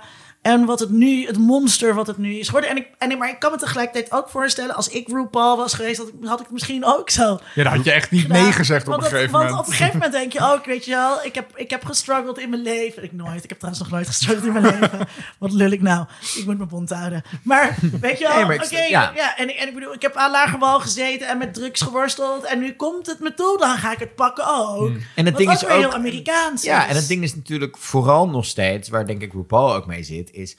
If I can do it, you can do it. Maar dat is het probleem van neoliberalisme. Dat is het Ja. probleem van de American Dream. Hè? Het feit dat één rapper rijk wordt... eh, betekent eigenlijk dat En alle kids in de zwarte ghetto... ja, hadden jullie maar beter moeten rappen. Nou ja, en dat is dus dat is het hele. En daar komen we straks misschien wel even op. Het hele ding van is dat wat nu ontstaan is, is een heel erg grote wicht tussen de Ru Girls, zoals de meiden die meedoen in een, in een drag race show, en de meiden daaronder. Eh, maar het programma is inderdaad ontzettend zelf ook ontzettend veranderd. De criteria om een goede kandidaat te zijn zijn ook ontzettend veranderd. Dat zul jij ook gezien hebben als je alle seizoenen gezien hebt. In die zin. Ja, maar ze weten ook meer wat er komen gaat, denk ik, toch? Dus ze kunnen zich er ook beter op voorbereiden. Maar ik denk, dat, ik denk dat de seizoenen heel erg zijn veranderd. Als je kijkt naar, eh, dan pakken we seizoen 6 even. Een Bianca zou nu niet meer kunnen winnen. Want De, het, eh, toen draaide het programma echt nog om juist die mis, mix-match van verschillende talenten. Je ziet bij Ja, Bianca... verschillende soorten queens. Bianca, Bianca's Ja. running gag is nog steeds... Zij heeft acht van de tien afleveringen dezelfde jurk aan. Ja. Het is alleen Ja, een ja, ja. ander... Ja, ja, ja, het is is wel. een andere kleur, ander format. Maar ze doet het elke keer erg goed. En ze weet zich ook heel goed neer te zetten in alle verschillende dingen die van haar gevraagd worden. Rappen, zingen, acteren, naaien, eh, im- imiteren, eh, dingen verkopen, dingen doen, met anderen werken. Hmm. En je ziet dat eigenlijk vanaf het seizoen daarna, vanaf seizoen 7, wat gewonnen eh, wordt door een winnaar die heel erg hè, high fashion is. Vanaf daar gaan we de kant op dat de runway gaat steeds zwaarder tellen. En dan niet in de zin van hou je je aan het thema, maar hoe groot, extravagant, uitvergroot is en, en uniek en rijk. Ja. En dan rijk als in gebeurt er veel, eh, zijn de outfits. En dat Ja. is daarna veel belangrijker. Want in het begin was het echt, denk ik, en daarom zijn de beginseizoenen ook zo goed, is omdat eigenlijk is drag een hele rare kunstvorm waarin je eh, niet een ja, natuurtalent hoeft te hebben. Je hoeft niet te kunnen zingen of te dansen. Je moet goed oog hebben voor bepaalde dingen combineren. Namelijk pruiken, make-up, jurk. Want je kunt ook je make-up door een ander laten doen. Zeker in het begin als drag queen. Ehm, en dat soort dingen. En Ik- je moet het, vond, je, het, is, eh, het is de kunst van dingen bij elkaar zetten die kloppen. Die, die eerste seizoenen ehm, eh, roepen bij mij, riepen bij mij heel erg ehm, eh, Project Runway op. Ja. Een Project Runway, een reality-serie waarin eh, modeontwerpers eh, met elkaar concurreren in zo'nzelfde soort format. En daarbij, wat daarom zo tof was om daar naar te kijken, want je keek zeker die eerste seizoenen, keken naar mensen die echt talent hadden. Ja. Die echt wat eh, eh, konden. En bij die eerste seizoenen drag, eh, drag Race heb je dat ook. Je kijkt naar mensen met echt eh, talent. En je ziet ze dingen in elkaar zetten. En dat is gewoon heel bijzonder om Dat is naar te heel kijken. seizoen 6 is dat ook de hele tijd een burn tegen die Australiër. Van je koopt gewoon de hele tijd soort van de duurste jurken en daarmee kom je ja. opdagen. Terwijl nu, wat ik heb begrepen van voor die laatste versie, eh, van, eh, voor de, die versie in Nederland, waarbij de prijs, de prijs was dat je een jurk kon winnen van ter waarde van, ter waarde van 13.000 euro of zo. Terwijl heel veel queens hadden gewoon voor hun eigen jurk die ze hadden aangeschaft, was meer dan, hebben zij steeds meer geld kwijt geweest. Je dan, bent, Oh. er is, dan het is laatst een heel interessant artikel al geschreven over de economics of drag race. Als je tegenwoordig aan de Amerikaanse versie meedoet, ben je wel zo'n 20, 30.000 dollar kwijt. Holy fuck. Ehm, en de Maar grap, maar de grap, je maar de, materiaal maar de grap is, dragen? maar, is dat het maar de grap is, Ja, maar de je komt winnares met van gemaakte voor- jurken. Dus je, je hebt niet bij een challenge... Hier heb je een zak spekjes, zet een jurk ervan in elkaar. Zoals we alleen maar zien bij de Sewing Challenge tegenwoordig. Ja. maar het, ja. alles mee. Ehm, maar de grap is, vorig, vorig seizoen is die eh, trend doorbroken. Want Jada Essence Hall, spoiler, winnaar van eh, seizoen 12... Bedankt voor die spoiler. Nee, is, vorig, is vorig jaar twee weken gebeld voordat Drag Race begon. Was namelijk een backup. En heeft met een budget van nog geen duizend dollar een seizoen gewonnen uiteindelijk. Huh? Dus het kan nog wel. Je kan Ja, nog steeds het ja. enigma zijn. Maar, maar, het is, waarom, maar waarom, het is heel erg veranderd. En dat vind ik maar wel waarom echt heel niet jammer. dat aan. tegengaan door te zeggen... We nemen geen, je krijgt, we ne- niemand mee- neemt outfits mee. Je moet alles daar maken. Omdat niet elke queen kan naaien. Ja, maar dan compenseer Maar dat je is Wat dat. nog steeds, niet, wat, dat wat, is de, de running jack compenseer je is. dat door, door, je, eh, door je kant. Ik denk niet dat je dat zou moeten doen. Ik denk dat je het moet doen door ehm, die meiden een gelijkwaardig budget te moeten geven. Ik denk dat dat de oplossing moet gaan. Ja, maar dan, dan is het niet zo lekker geld verdienen voor de studio's die het maken natuurlijk. Want dat, dat maakt het wel lekker low geloof me, meiden, natuurlijk. ik geloof me, je maakt ontzettend veel geld met dit programma. Ja, maar dan wat minder. En ja, je kan het ook, je kan het dus, ja, maar dan kun je nu ook de meiden beknoppen. Die nu echt heel veel geld uitgeven. Nou, je zag het eh, toevallig het seizoen van eh, seizoen 12 heel erg. Gigi Good eh, had gigantisch budgetten. Haar moeder hielp, maar ze woonde in LA en kende allemaal fashion designers, Oh, ja. alles erop Ja. en eraan. Ja. Dan, zij was gewoon, als je het seizoen bekeek, had zij moeten winnen. Omdat de looks, dit, dat, alles. Maar de persoonlijkheid was er niet. Nee. Kortom, dat Net wint. als met die Courtney Act. Courtney van, Act eh, ook. dat is Ja.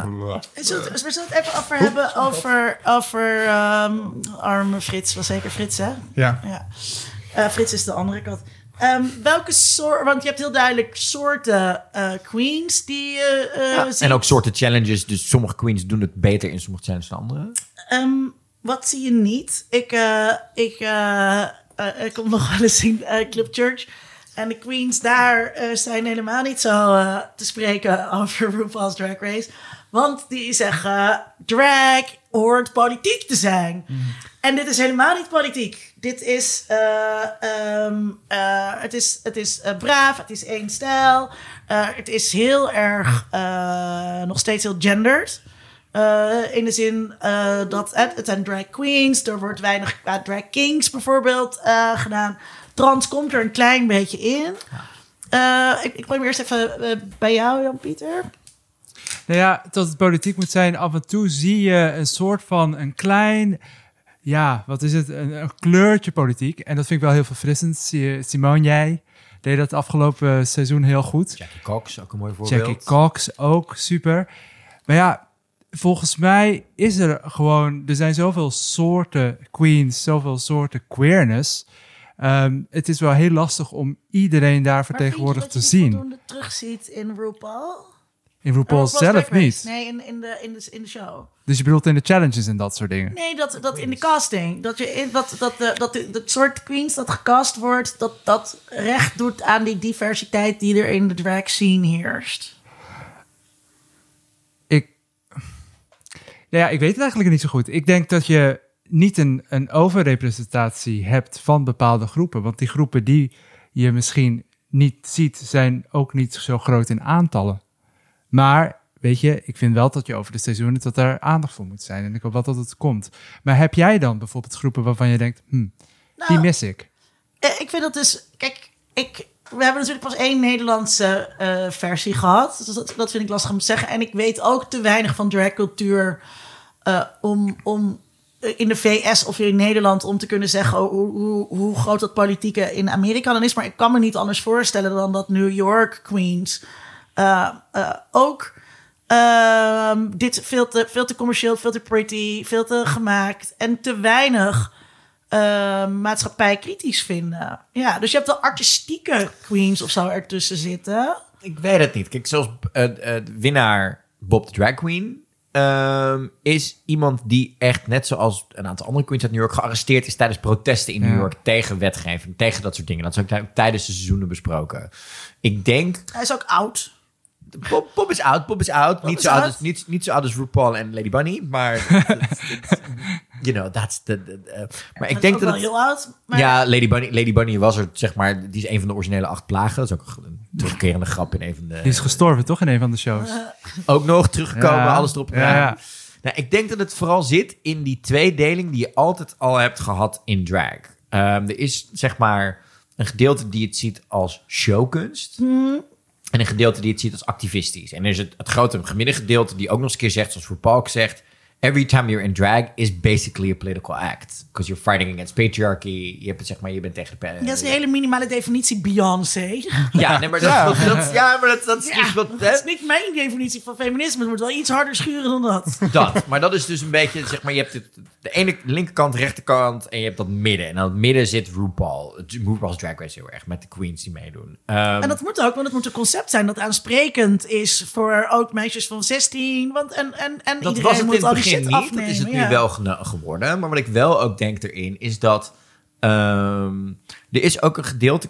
Er is, en dat is het hele grappige aan dit programma, is dat het is zo'n onderdeel van eh queercultuur geworden, dat we ook denken dat we er een soort zeggenschap over hebben. En dat het ons allemaal moet vertegenwoordigen in al onze facetten, op al onze manieren. En dat is, dat is constant, het schuren van het programma met de fans is...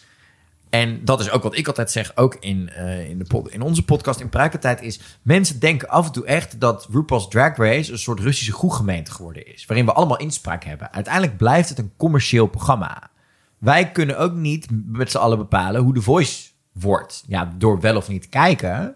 Maar het is niet alsof we overal inspraak op hebben. En het, moet, het programma hoeft ook ons allemaal niet te vertegenwoordigen in wie wij zijn. We zien een gedeelte van onze community en een gedeelte van de drag community. Ja, maar dat is je dus ziet dus ja. ook op een gegeven moment dat er meer programma's zijn ontstaan. We hebben ondertussen hebben we nu eh, House of Drag in, eh, in Nieuw-Zeeland. We hebben eh, Dragula in Amerika, een hele leuke, interessante spin-off. Toevallig van dezelfde makers, die veel meer draait om de queens. eh, zoals jij misschien als referentie hebt gezien, Sharon Needles, die won het seizoen voor.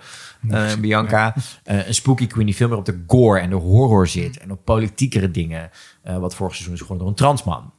Ehm, en dat zijn gewoon dingen. Kijk, dit programma is op zoek naar de beste drag queen. Niet de beste drag performer. En ik denk dat er een programma naast moet gaan komen. Wat we nu ook gaan zien. We krijgen nu meerdere programma's. Eh, in Canada komt er een programma bij met, waar je inderdaad op zoek gaat naar de beste drag Maar performer. dat is toch heel binair? Het is toch Ja, heel ja, maar dat, dat, genderbinair? dat is inderdaad wat ik wilde zeggen. Van, eh, het is wel een hele nauwe eh, eh, focus op het woord dat ik heb opgezocht. Een soort van fishiness. Ja. Gewoon, dat- daar word je op beoordeeld. En als, als je niet fishy Toen nog wel, nu, bent... nu niet meer. Nee, maar dat, tenminste, dat is dus wat, wat ik dan herken. Dus, Fishiness is uit voor de kijkers die eh, die eh, zo vrouwelijk zien. mogelijk. Ja, is wat het, ook een toch? problematische term uit de queer community is trouwens. Hè? Eh, want fishy slaat Ja, fishy vagina. eh, fish vagina, dat is... Term is ook... Dat is een hele interessante discussie. die Toevallig de laatste van Dragula voorbij komt. Waarom die, dat woord best wel problematisch Ja. is. Ehm, maar het, Het woord gebruiken we hier liever niet. Het wordt problematisch. problematisch. Dat woord is problematisch. Oh, nou, het, het, het is een circle. Love this.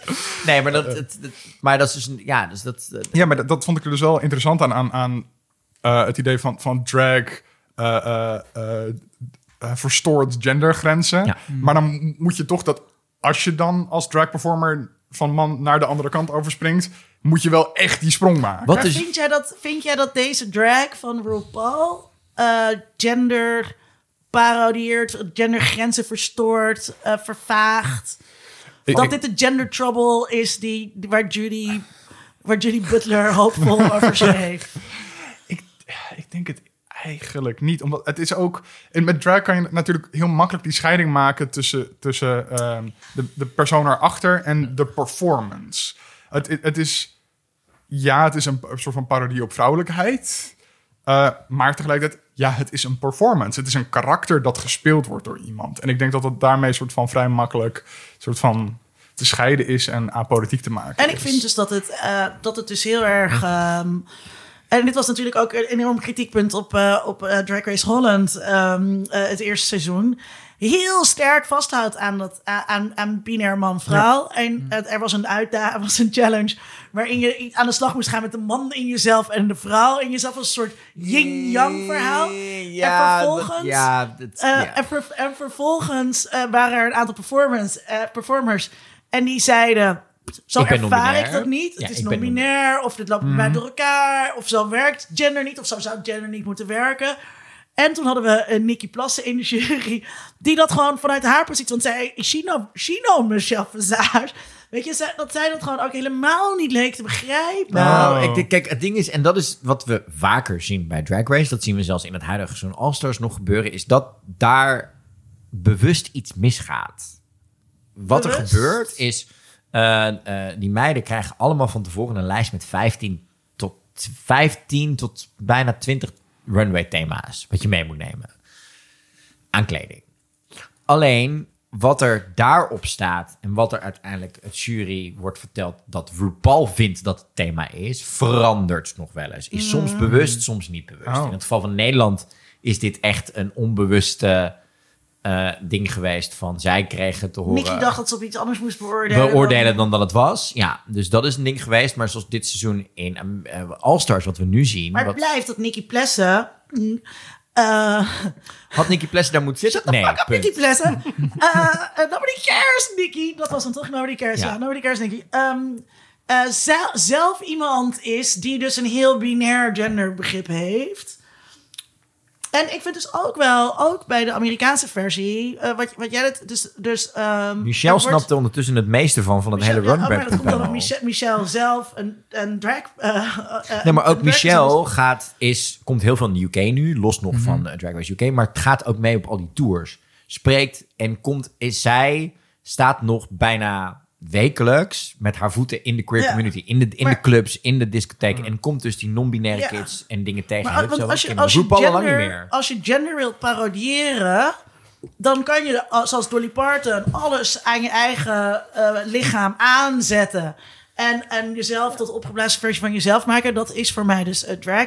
Maar je kunt ook gender parodiëren door ehm, ehm, wat we zien als mannelijk en vrouwelijk op zijn kop proberen te zetten. Door als man vrouwenkleding te dragen of als man. Maar ook door dat op een manier te doen waarbij, dat is wat Judith Butler wil, gender onleesbaar wordt. Terwijl je heel vaak hele femme queens ziet. ik denk dat die dat- dus juist ultra, ultra, weet je wel, oké, ik ben Britney Spears. Ja, met slechte wenkbrauwen hoor je Derek Barry. I love Ehm, Barry. ehm, maar ik denk dat het vooral is, is dat, we, dat we zien nu de laatste seizoenen weer. Als we kijken naar een Godmake vorig, eh, vorig seizoen. Een, een, een transman die drag doet en daar heel anders naar kijkt naar wat drag is dan eh, Simone, eh, die ook in hetzelfde seizoen zat. Maar ook als je kijkt naar inderdaad een Peppermint. Als we kijken naar wat er nu in eh All Stars gebeurt met een Jiggly Caliente en een, en een Love. Die er weer heel anders tegenaan kijken. En meerdere Maar, maar hoe kijken die er dan anders tegenaan? dat zijn, dat zijn transvrouwen nu. Mhm. die, zijn, die in een originele seizoen als homoseksuele cisgender man toen nog identificeerden of nog niet durfden trans, eh, identificeren als transvrouwen. Mhm. eh, meededen en dus inderdaad veel meer in die traditionele ik ben een man die een vrouw speelt in drag zit. Maar dat ook uiten in hoe zij hun drag doen. Ik denk dat als je kijkt naar God Make het afgelopen seizoen... dat staat letterlijk haaks op alles wat Courtney Act doet. Die jij gezien hebt in het seizoen. Ja. Zij, Courtney Act probeert... eh, ook al niet meer trouwens, heel tof. Want eh, Courtney identificeert zich nu ook als non-binair, als Shane zijnde. En is ook veel meer in die genderfluid rollen getrokken. Ja, want die is echt voor de luisteraar die dat niet gezien heeft, e- extreem soort van die komt binnen en je denkt dat er een vrouw binnen Ja, is het, gelopen. het- het- echt, dat is, die, die, die, die imiteerde toen echt nog een vrouw. Dat was haar idee van drag. Ja. Terwijl als je die tegenover een Bianca de Rio zet, dat is gewoon letterlijk een wasbeer met een torenhoog. Ja, maar, maar hele overdreven make-up. Dat, en- ja. het- maar dat is gewoon een insult comic. En bij eh Gottmik nu zie je heel erg, net zoals Sasha Velour, eh, eh, zie je heel erg het verschil in die verschillende kijken naar wat is drag. Eh Sasha Velour deed dat door te zeggen, ik doe al mijn drag kaal. Ik Hm. kies ervoor om geen haar op te zetten en dus veel minder een vrouw te imiteren. Precies, ja, dat was En veel dat interessanter. En ik denk dat dat het toffe is aan wat Drag Race toelaat, is dat ook voor juist onze community, door alle challenges en zeker ook door de runway, wij ook verder zijn gaan kijken naar wat drag is. Eh, en dat kunnen ze in, ook in al die verschillende challenges laten zien. Want dat is uiteindelijk denk ik ook wat het programma zo tof maakt, is dat ze al die verschillende challenges moeten doen. Je moet alles kunnen als drag queen. Het is niet een competitie wat op één talent wordt, gebl- Nou, het is, wordt het is een competitie in die zin, eh, dus net als, eh, als Project Runway en America's Next Top Model, waar eh, wel iemand eh, moet winnen die vervolgens nog aan de slag moet. Ja, Eh, en dus er wordt wel echt inderdaad een performer gezocht die je mee kunt nemen op zo'n... Je moet alles kunnen bij Drag. Race. En dat is het. Dat is het Nou, maar het is echt wat dat betreft Ja. een sollicitatieprocedure. eh, veel En- meer dan een eretitel.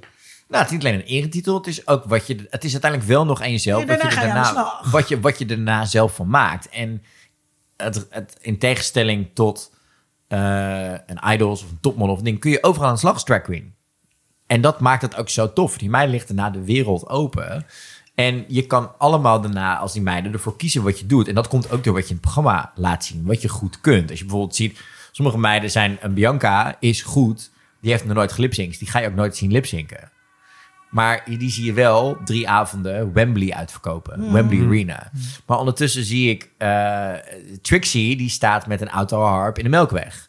Ondertussen staan er tien meiden keihard straks aan de AFAS volgend jaar drie avonden lang met Work the World Tour te lipzinken, acrobatische toeren, staan met een Vegas show, dat soort dingen. Dus je kan allemaal verschillende dingen doen ermee. En dat is ook wel het tof van dit programma, is dat bij Project Runway wordt er gevraagd hoe goed kun je naaien en ontwerpen. Eén ding. Bij Topmodel is het, was het in het begin, hoe goed kun je op foto staan. Later moest je dan ook leren presenteren en, en een ijs aanproeven en een CoverGirl commercial.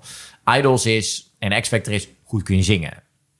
Dit programma moet je Nee, alles maar het is kunnen ook wel weer hoe goed luister je bijvoorbeeld naar het commentaar van de jury. Hoe Ja. kneedbaar Dat, ben je? je Hoe, moet in dit hoe, goed valt er met jou te werken? Ja. Nee, niet zozeer. Hoe goed valt er met je te werken? Maar sta je open voor nieuwe dingen? Of denk je dat je in één ding goed bent en is dat het? Ja. En dat is het, het toffe, vind ik, aan Drag Race. Is dat ze moeten alles kunnen. Je moet een snatch game aan kunnen. Waar je dus waar het begin van de aflevering over begonnen. Wat natuurlijk de, voor de, de, ultieme aflevering altijd is. de, voor, ja, dat is eigenlijk het eikmoment voor de kijker. Kun je Snatch Game aan, dan maak je een hele goede kans om te gaan winnen. Snatch Game is voor de luisteraar die nu luistert en denkt, wat de fuck is Snatch Game? Is, Leuk luisteraar, dat je Ja, fijn dat hangen. je dat je Ja, er zeker nog bent. Ik denk, leg hem toch even uit. Snatch Game is dan de aflevering waarin zij... eh, Twitter, Twitter naar ons als je zo ver bent gekomen. ja. Ge- hashtag Snatch Game. Dat ik, dan weten we even waar we zitten, inderdaad. Ehm, is, ja, maar weet je, dat is een aflevering. Dan moet je heel veel kunnen. Want, die aflevering, want in diezelfde aflevering moet je, heb je ook nog altijd, bijna altijd, de Reading Challenge zitten. Meestal de aflevering ervoor of daarna is de Sewing Challenge. Je moet, en dan moet je ook nog twee runways kunnen doen. En meestal de aflevering daartussenin is ook nog eens een keer een challenge waarin je een eigen... En je bent net ver in het, seizoen, in het seizoen dat er ook voldoende mensen afgevallen zijn. Ja. Dat het ook En dat spannend je iedereen wordt. kent. Dat je Dat- iedereen kent. ja. En dat je ook zelf aan het, na- aan het nadenken bent wie is mijn favoriet. En, eh, ja. Ja. Ik, ik, had, ik had ook nog wel even, sorry dat ik je onderbreek, maar ik had ook wel een vraag. We hadden het er net over. Als je eh, Gea niet onderbreekt, dan lult hij. Dan Ja. uur hier nog. Ehm, Maar we hadden het net over eh, eh, eh, dat er een soort van revival in drag is geweest door, door RuPaul's Drag Race. Maar dat, is dat ook echt zo? Zijn er meer Ja. mensen nu die, die nu drag aan het doen zijn en Ja. ook dat het terugkomt in clubs? En, Maar ja, ja, dat, ja, veel populair, ja, absoluut. maar dus niet alleen in het programma dat mensen daar naartoe willen, maar ook echt Ja. veel breder. Ja, ja. Ja, ik weet niet hoe jij dat, dat, ja. dat ziet heel erg. Maar in het uitgaan was het daarvoor toch voor mij heel erg... Een drag queen zet je aan de deur neer als ontvangst. Leuk. Hoi, hi. de- de- de- Oh, er staat de verklede, de verklede kerel. Eh, of die staat inderdaad ergens achterin een ontzettend slechte Nederlandse vertaling van een Songfestivalliedje te doen. Hey, Dolly Bellefleur. Ehm, Oh. I love Dolly Bellefleur. I love her for what she does. It's just not my thing. Ehm, en nu is het echt een kunstvorm. Die meiden worden echt, ook als ik kijk naar wat mijn werk bij Club Nix, worden echt geboekt om een performance te doen waarin er op dat moment niets anders gebeurt. Als je kijkt Ah. naar bijvoorbeeld eh, een Nederlandse eh, queen, uh, Mama Queen, non-binair, haar eh, geweldig. Die staat daar vier minuten in een geweldige jurk. Die is twee meter hoog. Een nummer te doen waar maar één zin tekst in zit, die constant terugkomt. En iedereen staat te gillen en te doen. Want zij heeft vorig jaar door de coronacrisis niet kunnen toeren, niks kunnen doen. Er staan gewoon letterlijk eh, kerels van 25 te gillen... omdat ze voor het eerst iemand die zij geweldig vinden... en als een held eh, zien... omdat die vorig jaar non-binair aan heel Nederland uitlegde via Videoland... voor het eerst zien performen en zien doen waar ze goed in zijn. En zijn ook de, de bedragen die je vraagt als drag queen omhoog gegaan. Wat ook heel fijn is, want dat is uiteindelijk wat ik denk ook nog wel een heel belangrijk zij-effect is van dit programma. Is dat mensen weer eens doorhebben dat drag werd altijd gezien als een hobby. Maar het is een kunstvorm waar heel veel tijd, geld, moeite en gedachten achter zit. En dat zien we nu in dit programma. En dat eh, betekent ook dat de economie van drag queens heel erg omhoog is gegaan. Abs- absoluut. Ja. Het heeft ook een wicht gedreven, want je, ja, je, dat zie je in Nederland al. Ja, als je dan, als je dan het geld krijgt voor je performances, dan ja. Dat, maar het is ook, het is ook de Rue Girls versus de Not Rue Girls, zeg maar. Ja. Tegenwoordig is het echt zo dat als je eh, in Amerika staat... dan kun je als meisje van RuPaul... je staat een half uur drie nummers te doen... en een praatje tussendoor krijg je 5000, 5000 dollar voor... En Oké. 150 dollar voor hetzelfde voor de meiden die in het voorprogramma staan. Maar dus je ziet het niet alleen, ehm, zeg maar, in de, in de homo-horeca, hè, dat, dat, eh, dat eh, drag bingo en zo, dat dat soort dingen populairder zijn geworden. En dat daar dus meer werk is voor queens. Eh, maar ook veel meer publiek op afkomt. Maar ook dat het lekt naar de mainstream. Er zijn ook heel veel bedrijven nu die het heel leuk vinden om een drag queen in te huren. Gewoon als, als moderator voor, voor om, je avondje ja, om, of zo. iets, om Ja. iets op te luisteren en het ijs te breken. En dat is echt, echt een enorme revival. Ehm, ik wil het nog heel even hebben over de betekenis hiervan voor queer culture. Ehm, ik denk dat wat ik heel interessant vind en positief vind aan wat RuPaul doet, is dat ehm, heel veel geschiedenis wordt doorgegeven. Ja. hè? Dus Ja. het gaat heel. Ja, wil je wat over zeggen? Ja, want eh, ik zat ook over na te denken toen ik dit aan het voorbereiden was. Wat hij heel goed kan, en de show, is ook gewoon een soort van lesgeven. Educatie. Stonewall Riots, hartstikke belangrijk. En daar is aandacht voor. Reading Challenge, een van de fantastische dingen die er in de show zijn. Dat is als het ware, ja, misschien kan jij beter uitleggen. Wat is, wat, is reading? Reading, reading is gebaseerd op uh, ballroom culture, op de briljante, legendarische, toonaangevende documentaire Paris is Burning, Mhm. uh, waarin een aantal uh, op dat moment ballroom-iconen uh, zoals Crystal Beja worden gevolgd. Waarin en reading is. Wat voor, wat voor serie het is in de serie Pose.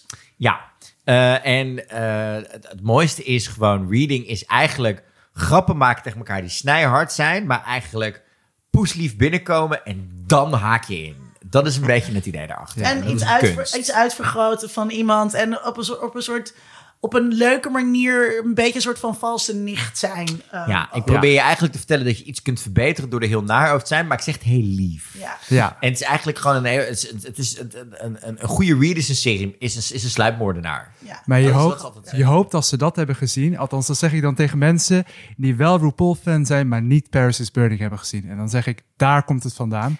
Ga het kijken. Maar dat is ook het probleem. En dat komt terug. En dat, ik hoop eigenlijk, ja, dat zie je ook met de muziek uit de jaren 80 en uit de jaren 90. Maar het is ook gewoon les, is alle, alle, muziek die gekozen wordt voor um, de uh, lip-sync, uh, dat gewoon uh, lip-sync, zeg ik dat nou? Ja, lip-sync ja. for life. Um, lip-sync, zei ik. Uh, dat, um, daar wordt ook een soort van opvoed gedaan. Weet je wel, van dit was in de jaren tachtig een gay anthem. Of, weet je wel, Hmm. dit, was, dit waren gay icons. Uh, dit was waar wij naar keken. En op die manier wordt heel veel uh, cultuur doorgegeven. Wat ik ja onwijs nee. positief vind. En daar zit ook een nee aan, ja. Er zit maar echt hij een- is ja, nee. De, de, de nee, en ik bedoel, ik ben een van de grootste fans van het programma, maar de nee's zijn twee dingen. Ten eerste, Ik vind je wel lekker kritisch op het programma waar je zelf voor werkt. het, het, is- het zijn twee dingen die met RuPaul die daar misgaan. Ten eerste, valse geschiedschrijving. Dat is echt al een paar keer gebeurd. Dat volgens mij de Stonewall Riots waren begonnen omdat Lucille... Ba- eh, wat was het? Lucille Ball was overleden of een ander gay of icoon was overleden. En daarom waren ze boos geworden. En toen was wat anders gebeurd. En dat waren de Stonewall Riots. Het is letterlijk twee seizoenen geleden een keer de RuPaul vertelde. Je denkt, sorry schat, maar dit Ja. klopt nou niet helemaal. Ehm, en ten tweede, RuPaul en Michelle worden oud. En ook de makers worden oud. Alle referenties, alle sketches zijn gebaseerd op dingen uit de 70 en de 80 jaren. Ja, en, die meiden, en die eh, meiden die daar nu staan, zijn in sommige gevallen, omdat het programma dus inderdaad al 13, hè, 13 seizoenen meedraait, waren in sommige gevallen zes toen dit programma begon. Zijn letterlijk drag gaan doen door dit programma. En worden er af en toe op afgerekend als zij referenties uit de jaren 70, 80 niet gelijk begrijpen of niet meepakken. En Ja. referenties uit alle cultuur uit de jaren 90, Tom 1000. leidt daar ook altijd onder in deze Nee, maar, podcast. ja, maar, Ja. ja. maar alles, Zo. alles wat er na 1992 is gebeurd, telt voor RuPaul af en toe niet qua Omdat hij geen onderdeel is geweest meer toen van die scene. Niet alleen dat, maar ook omdat de schrijvers dat niet mee hebben gemaakt. Je merkt het gewoon af en toe aan de grapjes die natuurlijk iconisch zijn, die tijdens de runway worden gemaakt. Er zijn heel veel dad jokes en dat soort dingen. Dat gaat altijd terug naar Maar dat vind ik... Cher maar en dat soort dingen. En dat komt ook omdat dat wordt geschreven door John Polly. Die gast is ook ondertussen, die is gewoon over de 50. Maar dat vind, ik niet zo, dat vind ik niet zo erg. Hè. Soms heb je een docent en die is oud en die, en die Ja. haalt alleen maar series aan die jij niet kent. Maar dat is alsnog goed voor je corpuskennis. En al die dingen. tegelijkertijd wel kwalijk dat je dan niet nieuwe ontwikkelingen meekrijgt. Dat over dat is non-binariteit waar. en En zo. Ja. ik- En die ik- gatekeeping vind ik dus heel vervelend. Dat je Ja. dus wordt afgerekend op als jij niet weet, zeg Ja. maar, wie... Nou ja, eh, maar dan uit- had je, je ging aan het programma meedoen, dan had je even gewoon iets meer eh, geschiedenisboek kunnen oppakken. Ja, maar het is, niet, het, is niet, het is niet alleen geschiedenisboeken. Het is ook wat dan aanhankelijk queer culture is. Als, het is, Nou, dat is- de grap is op is- dit moment ja. eigenlijk dat als je niet vier afleveringen van eh, Golden Girls verbatim zou kunnen quoten, Nee. vindt RuPaul je een slechte drag queen. Ja, Golden. Girls, beste luisteraar, was een eh, sitcom uit de jaren tachtig met vier eh, oudere vrouwen die zonder man samenleefden. Lijkt het feministisch? Ja, dat is een feministische serie. Ehm, Nee, maar dat, dat is dus wel soms af en toe waar het een beetje misgaat. omdat er een ja. nieuwe generatie is die nou, heeft niks daarmee. Maar ik wat ken ik- wel Sex in the City wat en ik, Gossip Girl. wat ik nog kwalijker vind, is dat het dus heel vaak heel normzettend is voor wat queer, of gay culture, moet ik zeggen, wat gay culture kan zijn. We Dus het zien- filtert die geschiedenis op een bepaalde Het manier. filtert die geschiedenis op een bepaalde manier, maar het, maakt ook het, het, maar het vormt ook het heden. En juist dus omdat er. eh, ehm, eh, eh, omdat homo-horeca het moeilijk heeft. Hè, dus al die, al die fysieke ontmoetingsplekken die er vroeger waren, die worden minder. Dus hoe leer je eh, gay culture kennen? Via de media. Wat is er dominant in de media? RuPaul. Dat is één vorm van, van gay Ja, cultuur. Waarin bijvoorbeeld, hè, dus er worden heel veel grappen altijd gemaakt over tops en bottoms. Hmm. Ah, tops en bottoms. Waarbij ook een soort van het idee gevestigd wordt dat je of top of bottom bent. En dat ben je voor de rest van je leven. En het hele versa, eh, versatile in het midden eh, is een soort van, bestaat niet in het RuPaul-universum. want dat doet het minder lekker voor grappen. Maar dat betekent dus ook dat je opgroeit met het idee, ik ben of dit of dat. En dan moet ik dat kiezen voor de rest van mijn leven.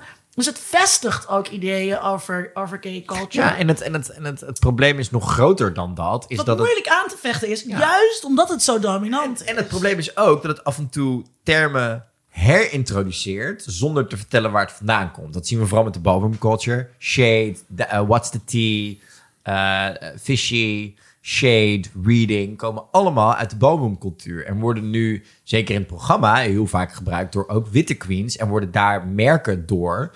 Dat heb je bijvoorbeeld met een Alyssa Edwards, met een, met een, uh, met een death drop. Death drop is geen term. Die is verzonnen. Het is origineel een dip. Later is dat... Death Drop even uitleggen voor de luisteraar. Een death drop is letterlijk als je... Ik kan het niet eens nadoen. Ik weet, ik weet technisch hoe het werkt. Maar ik, het, het geloof me, motorisch gestoord. Ehm, is als je dus inderdaad achteruit valt. Met je knie naar achter. Waardoor het lijkt alsof je doodvalt. In een dramatische dance move. In de wereld van Drag Race heet het een death drop. Daarvoor was het een shablam. Nu gaan we daar ook weer een beetje naar terug. Maar origineel in de ballroom culture, de voging cultuur, was het een dip. En die haatte dus dat iedereen nu bij een bal staat, bijvoorbeeld in Nederland bij House of Vineyard. Oh, je deed een geweldige death drop. Nee, zo heet het niet. Ja. Omdat de RuPaul, ik heb het zo vaak meegemaakt. Een van de mooiste voorbeelden is denk ik een jaar of zes, zeven geleden. Toen zat ik eh, bij de Amstel 54 met een jonge homo jongen die ik net had leren kennen. Want die komt dezelfde kroeg als ik. En die begint al die RuPaul dingen te termen naar me toe te gooien. Van andere Laganja Estranja. Jou ook wel bekend. Helaas wel. Ehm, eh, en die gooit er allemaal dingen uit. En die gooit al die quotes eruit. En gebruikt dat in zijn dagelijks vocabulaire. Ik zeg, maar weet je waar het vandaan komt? Nee. Ik zeg, je roept dit nu letterlijk al een half jaar. En je doet alsof je in één keer het mannetje bent. Maar je bent 18 je hebt, nooit, je hebt niet Paris Burning gezien. Je weet niet waar die termen, waar die Laganja gebruikt, daar vandaan komen. En dat is, dat, vind ik dat het is- grootste probleem aan Drag Race. Is dat het dus af en toe die termen echt op wire shirts en dat soort zing- shit Ja. gooit. Om te verkopen en te doen. En, En we er nemen staat het niks over. tegenover. Dus We- we- er is, er is niet... eh, om de- juist omdat Drag Race zo dominant is... eh, eh, want want waar, waar we het aan het begin over hadden... hè, hoe fantastisch het was eh, voor de community om te zien dat dit op televisie was... om deze jongens op televisie te zien... om deze personages op televisie te zien... Voor, op, een, op een manier wat we niet kennen. Maar het is als een soort, als een soort ehm, ehm, eh, schimmel, love schimmels van Rij. Echt super tof. Maar is het wel heel erg gaan overheersen, juist in al die versies. Waardoor er dus ook geen ruimte of nauwelijks ruimte is voor andere reality-programma's of voor andere formats. Om er doorheen te komen, om alternatieve geschiedenissen Ik te denk- vertellen. ik denk om dat- alternatieve betekenissen daar Ik denk dat het nu wat meer komt, omdat ze het wat meer moeten gaan loslaten. Als je kijkt naar Spanje, als je kijkt naar UK seizoen 2. Mhm. Eh, inderdaad, wat jij aanhaalde, het briljante gesprek tussen, eh, eh, volgens mij was het Sister Sister en Bimini. Ja. ehm, over non-binair zijn en jezelf niet kunnen herkennen in je omgeving. En het was voor het eerst dat twee non-binaire personen op tv dat gesprek met elkaar hadden. Dat wordt ook door Bimini op een gegeven moment gezegd. Ehm, daarin is het voor ons als community nog heel erg belangrijk. Maar het programma is vooral een heel erg belangrijke educatie geworden voor de niet-queer mensen. Ja, Eh, en voor, en voor Maar, ons... maar leren ze daarmee niet dan juist weer, zoals we zeiden, het is één manier, of niet, niet per se één manier, maar het is een beperkt spectrum aan wat de queer community Nee, omdat je is. dus nu, in de, nu ziet door de druk van juist de community en de kandidaat en alles dat ze veel meer open moet zijn. In het begin heeft RuPaul is ook een aantal keer zwaar. Maar, maar, je, Nee, maar je het kan dus wel zo van, mijn oma is altijd zo van, sorry oma, Ehm, ja, homo's zijn zulke leuke mensen. Eh, of zo, right? Dat, dat is, Maar- ja, maar, Ja, maar ik- soms zijn we ook zuur en soms zijn we Ja. ook ontzettend zelf-obsessed. En maar soms het- zijn we ook Ja. ontzettend onzeker. En dat zie je al met het programma, denk ik. Ja, maar tegelijkertijd is- dat wel een beetje wat er dan over kan blijken. Maar ik vind het zo leuk, want het is zo flamboyant. En, eh, Maar oh, Nou, ja. ik denk dat als dat- en ik denk dat dat- Als populaire cultuur een venster op de wereld is, dan kan je dat niet alleen maar... Dat kan niet alleen maar via de blik van RuPaul zijn... als het gaat over wat dragcultuur of wat gaycultuur is. En dragcultuur is ook niet gaycultuur. Nee. Hè, laat- Dat Nee. wordt ook Nee. veel te zeer op een gegeven moment aan elkaar gelijkgesteld geraakt voor jouw oma. En ehm, eh, ik, ik zou het prettig vinden als daar iets naast. Zoals ik zou het echt prettig vinden. Ik vind, ik, ik vind ehm, sorry, Ehm, klaar. Het, het, eh, stoppen. Op een gegeven moment dan is het, het format is uitgemelkt. Eh, of, of beginnen varianten van. Dus ik vind die, die landenvarianten eh, nog, wel, nog wel viable. Maar die, U- die US-versie, die moet stoppen. Het is echt Ik denk niet dat, ik denk niet dat het niet- moet stoppen. Dat gaat ik niet, maar denk dat, dat, maar, je... en, er, en daarna, daar zou iets naast moeten, moeten komen. Waarin je bijvoorbeeld jonge makers eh, eh, eh, een kans geeft om daar iets tegenover te stellen. Of iets anders te Hmm. Just, vertellen. ik denk dat dat nu aan het, aan het komen is hoor. Als je kijkt naar dat er nieuwe formats ontstaat. Je kijkt bijvoorbeeld House of Drag inderdaad uit Nieuw-Zeeland. Waar eh, eh, eh, twee dragmoeders dan een heel huis hebben vol drag performers uit. En, en dan gaat het echt inderdaad van drag kings naar drag queens naar AFAB queens. Dus dat zijn eh, vrouwen die biologisch als cisgender vrouw zijn geboren en ook drag doen. Ehm, wat ook een valide kunstvorm is. Laten we dat ook nog even duidelijk stellen. Ehm, daar met elkaar proberen door elkaar niet weg te stemmen, met elkaar naar huis te wonen. Wie is nou de beste door elke week punten te scoren en zo wint er uiteindelijk eentje een geldprijs.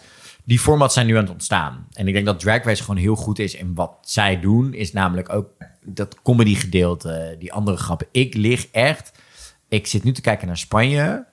Ik heb vorige week, ik heb de afgelopen aflevering in mijn broek gepist van het lachen. Omdat het is toch weer, het zijn een aantal drag queens in het Spaans. En dan gaat het toch weer over twee omaatjes die zogenaamd een kerel hebben, maar dan met elkaar doen. En het is toch, en die queens zijn gewoon Die ene is echt letterlijk Alberto eh, eh, uit Samson. Letterlijk die kappen. Die snor, oudere kerel, een beetje cliché. En je denkt, oh, maar jij kan echt, jij bent niet grappig. En dan gaat en gewoon überhaupt, het is gewoon, jij bent niet grappig. En dan gaat hij die sketch doen in zijn drag persona en je ligt echt in een scheur.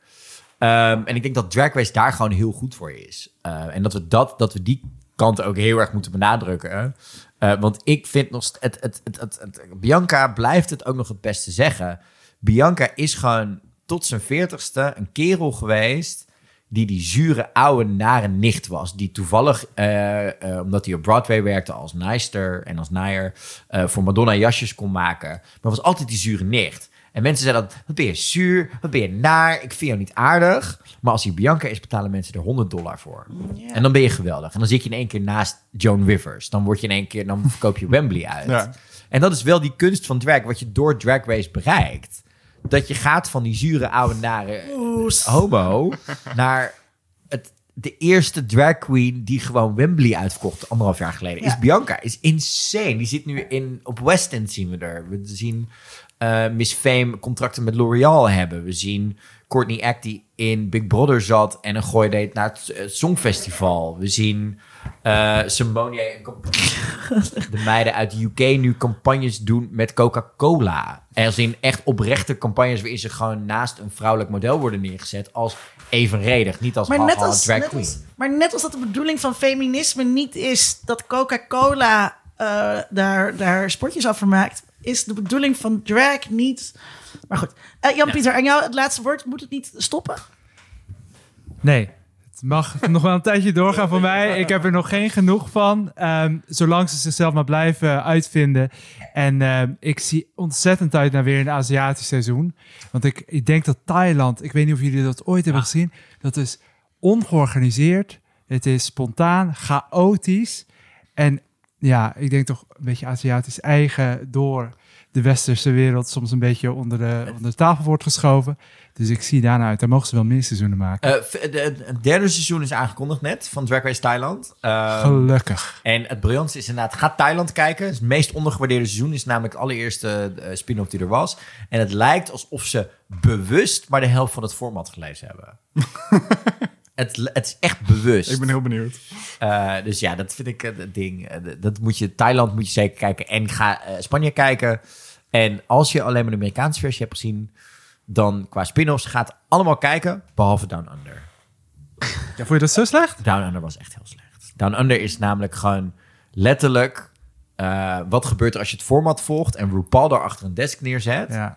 Maar ten eerste gewoon niet oplet tijdens je casting. Ten tweede challenges gaat doen die niet over nagedacht is. Dat is letterlijk, wat is, dat is het eerste seizoen in, nou we hebben er nu 25 gehad als je alles over de wereld en All-Stars meedenkt. De eerste waarin letterlijk zonder gevoel het format gemaakt wordt. We hebben echt een miljard dingen uit het draaiboek helemaal niet eh, eh, behandeld. We hebben het bijvoorbeeld eigenlijk helemaal niet zo goed gehad over de functie van de jury. En werkt het wel zonder eh, Michel Visage. En we Nee. hebben het ook veel te weinig gehad over mensen van kleur en de transdeelnemers. En we hebben het veel te weinig gehad over de misrepresentatie... waar een van mijn studenten een hele toffe scriptie over heeft geschreven. Maar het is wel welletjes zo, dus we gaan naar de bumper. Ik zeg dat we gewoon binnenkort bij Pruikentijd met deze vier gewoon verder kletsen. Doe gewoon een aflevering met al die onderwerpen er nog weer bij. Lijkt me een heel goed idee. In a world. In a world. World. World. World. In a world. Eh, in een wereld waarin we zin hebben in iets dat gaat komen. Eh, mag ik bij jou beginnen, Jan-Pieter? Ja, nou, er is een serie, die heb ik een tijd geleden gezien. Er is nu net het tweede seizoen van op Netflix. Never Have I Ever, or Have I Never Ever. Mindy, Zo'n Amerikaanse Het- Truth or Dare, Never Have I Ever... is zo'n ding wat je doet als je dronken bent op een feestje. ja, ja, Om maar elkaar te beschermen, eh, beschamen wat je weet dat, over een dat ander. hebben wij toch ook gedaan vroeger? Ik, eh, Ja? hoe, heet, het- hoe zeg je dat in het Nederlands? Ik heb nog Ik heb nog nooit. Ik heb nog Ja. nooit, Oh, dat is dus in mijn tijd speelden we dat niet. Ja, nou, ik heb het wel gespeeld. Ik, was, Ja, eh, ik verloor altijd. Ja. Ehm, maar goed, eh, dat is nu het tweede seizoen. Het is een beetje teenage angst, coming of age. Een meisje in Amerika, een beetje suburban. En eh, die zit op een high school en die heeft eh, boy drama. Maar het leuke eraan is, is dat ehm, de hoofdpersonage een Indiaas meisje is. Uit een migrantengezin en een soort van die stereotypes omvergooit. Ehm, en het is geschreven door Mindy Kaling. Ehm, dus ontzettend te kijk daarna uit om dat komende week te gaan kijken. Eh, ik kijk heel erg uit naar de Marvel-serie What If. Eh er heeft een jaar op de plank gelegen eh, animatieserie... waarin we het bestaande MCU eh, omgedraaid krijgen. Ehm, ehm, inderdaad, in de zin als wat als Peggy Carter Captain America was geworden... eh, wat als T'Challa Captain, nee, dat was, dat was een Captain... Captain Britain. Britain, ja. Ja. Eh, wat, wat als eh, T'Challa, Black Panther, in één keer de rol van Star-Lord in Guardians of the Galaxy overnam. Eh, de laatste rol van Chadwick Boseman Ja. trouwens. Dus daar kijk ik heel erg naar uit. En ehm, ik moet je eerlijk zeggen dat ik ook wel eens iemand ben die toch wel een beetje zit uit te kijken naar gewoon de slechte films die gewoon de komende tijd in de bioscoop gaan verschijnen. We hebben nu wel een aantal grote blockbusters gehad, maar dan zat ik weer naar die trailers te kijken en ik denk, Oh, er komen ook echt hele slechte dingen aan. Ik heb vorige week heel erg genoten bijvoorbeeld van Fast and Furious 9. Beste comedy van het jaar. Jij en eh, andere mensen. Het is niet echt, alleen. het is, het is dus de beste comedy van het jaar. Nothing makes sense, not even gravity. Ik, ik, heb, ik heb nog nooit een Fast, eh, eh, eh, gewoon zo'n Fast and Furious film gekeken. En ik zit elke keer, ik moet een keer instappen, maar dan wil ik bij het begin beginnen. En er Oh, zijn ik ben, zoveel Ik ben heel films. benieuwd wat jij ervan vindt. Omdat eh, het, het prachtigste aan Fast and Furious is... is dat ze de film die eigenlijk niet had moeten bestaan... de afgelopen drie films constant steeds geredconned wordt... En ja, het weer. Het is namelijk, en het grap is, het is de tweede geweest. De sequel die nooit had moeten gemaakt F2, worden. Eh, Too Fast, Too Furious. Oh. Eh, zonder bijna alle hoofdrolspelers erin. En die wordt nu elke in, in 7, 8 en 9 steeds geredconned. Echt Maar het is, het is dan toch een soort van... Het idee wat ik ervan heb als iemand die nog nooit iets gezien heeft... maar wel wat dingen voorbij ziet komen... is een soort van anti-franchise... waarin er gewoon content uitgepompt wordt... en hoe het met elkaar te maken heeft. Wie weet het? Ik maar- zeg, het is, het is briljant. Ik denk dat je zeker met Sonny erbij eh, hier een briljante aflevering aan kan wijden over wat het wel en niet is en wat het ooit was en wat het had moeten zijn. Dus ja, ik kijk heel erg uit naar gewoon de pulpfilms deze zomer in de bioscoop. Om gewoon echt Mhm. weer gewoon eh, te ontsnappen aan de hitte door een airco, een pathé of een filmhuis binnen te Dus stappen. sowieso, ehm, we, we, we, dat, hebben we, dat hebben we in de terugblik niet gezegd, maar we waren met Sony naar The Conjuring 3. Oh ja, dat hebben we helemaal niet gezegd. Eh, omdat we, omdat we, eh, we, we hadden een aflevering gemaakt over The Conjuring eh, 1 en 2. En horror moet je eigenlijk in de bioscoop kijken. Want als je thuis zit, Ja. ben je altijd een beetje op je telefoon. Ja. En ik had al een paar keer dat ik een scène terug moest, maar dan is het al niet meer eng. Dan denk je, oh, hier gebeurt wat hebben. Wat was dan de opbouw eh, of de aanloop? En eh, dus we dachten, oké, we gaan The Conjuring 3 in de bioscoop zien. En dat was echt gewoon aanfluiting. Zo slecht. En eh, maar met een paar scares. Maar alsnog was ik heel blij dat ik het in de bioscoop keek. Net als die uh, Monkarwei films. Eh, omdat ik kijk dus niet graag naar buitenlandse films. Ehm, want want, eh, ik, want ik zit dus vaak ook iets anders te doen. Als het Engels is, dan volg ik het Ja. met mijn oren. en Heel ik erg herkenbaar dit. Terwijl, en dat kan niet als het, als het, als het in Hongkong zich afspeelt en mensen zijn Kantonees. Kantonees aan het praten. Ehm, en eh, daarom was het heel fijn om het in de bioscoop, om in de bioscoop geconcentreerd Ja, er is naar een film te Ja. zitten kijken. Dat is ook nu heel leuk. Heb ik ook niet in mijn Dat terugblik echt genoemd. kwijt ook Eh. Eh, ehm, in Lab 111, omdat ze nu weer open zijn naar de lockdown, hebben ze aan eh, kijkers gevraagd: geef ons een lijstje met films. En degene die de meeste stemmen krijgen, gaan wij gewoon uitzenden. Oh, cool. Heel erg leuk. Eh, en ik heb daar ook dan All About Eve, een zwart-wit film uit 1950 gezien. Dat is echt zo'n film die ik zelf nooit op zou zetten. Nee. ja. Uh, en als ik hem dan op, op, op zou zetten, dan zou ik niet mijn hele aandacht erbij hebben. Nu heb ik die dan met een vriendin van me, eh, Louise, die hier wel eens te gast is geweest, Ja, eh, gekeken. Dit is fantastisch. Ja. En het is zo leuk. Dus trouwens, dat kan ik echt aanraden aan iedereen om te kijken wat die lijst bij Lab 111. Dus ze hebben ook allemaal Ghibli-films. Ze hebben Love it. Amélie. eh draaien ze ook weer, wat ik ook een hele leuke film vind. Eh, Ja, eh, allemaal- 500, 300 Days of Summer. 500 Days of Summer? 500? Ja, Ja. toch 500. Nog meer Days of Summer. Jesus Oh Christ. god, ik kan, die film, ik kan die film nooit meer serieus kijken vanwege de briljante Family Guy sketch. Marley, Marley, Marley Madeline calls movie phone. Waarin eh, de dove actrice eh, probeert 500 Days of Summer uit te Oh, leggen nee. aan Moviephone. Anyhow, maar ik wil ook gewoon aan de andere kant, weet je, los van alle tof, inderdaad, juist die films die nooit zo zien. The ik wil, 3. Ja. ik wil gewoon een Liam Neeson film waarin hij weer dezelfde gast als in Taken speelt. Ja. Gewoon omdat hij nu niet de dochter, maar zijn nichtje of zijn buurmeisje moet gaan The redden. situation is very serious. Volgens mij komt er oprecht weer één aan. En dat ik die, die trailer zag en dacht... Oh, hier wil ik gewoon anderhalf uur in met popcorn zitten kijken en denken... "Oh, alles hier aan is slecht, maar ik ben wel anderhalf uur vermaakt. Ja. Weet je? Dus daar, kijk, dat is mijn vooruitblik. Bring it on deze zomer. Ik denk, Ja. dat, dat, eh, ik denk dat dat heel goed is. Tom. Ik sluit me daarbij aan. Ik ga maandag naar eh, Black Widow, de eh, Marvel-film die een anderhalf jaar uit is gesteld vanwege de corona-epidemie. Ehm, en dat is ook. Daar hadden we het over met, met Tenet. Gewoon, soms wil je een soort van dom spektakel op een groot scherm zien. Juist, Ja. ja, juist. Eh, en, en, en volgens mij is Black Widow van alle recensies die ik voorbij heb zien komen precies dat. Het is gewoon En het weet ook dom dat het Marks het is. spektakel. Ze weten dat het te laat is eh, voor een Black Widow film eigenlijk. Eh, en dat ze veel goed te maken hebben. En dat gaan ze waarschijnlijk niet waarmaken. Maar ik wil gewoon goede explosies en gekke backflips zien. ja. Ja, En kom op, eh, god, hoe heet hij? De, de, de, de sheriff uit... eh, David Harbour. David Harbour met Ja. een Russisch accent. Hallo, bring it on. Like, it's sold. Alleen dat al is Ja, ja, ja. precies wat ik hebben wilde. Ja. Ehm, ja, dat is gewoon... Ja, Black Widow vond ik echt heel tof. Dus ik denk dat je heel erg gaat genieten. Ja, ik, ik denk het wel ook. eh, ik heb er zin in. Jullie was- vooruitblikken zijn allemaal veel beter dan die van mij. Ehm, ik eh, ik heb, ben bezig met de Marvelous Mrs. Measley. Ja. Miss Maisel. Was dat, een, was dat een tip van jou? Tom? Nee, Oh, ik weet niet meer van wie ik dat van dan... een vorige presentator. Van eh, wie ik dat dan getipt had gekregen op ehm, Amazon Prime. En ik ben bezig en het is leuk. Het gaat over. Het is eigenlijk een soort bijna terugblik. Maar het gaat over eh, een, fictieve vrouw die eh, ehm, comedian wil worden in de jaren 50, 60.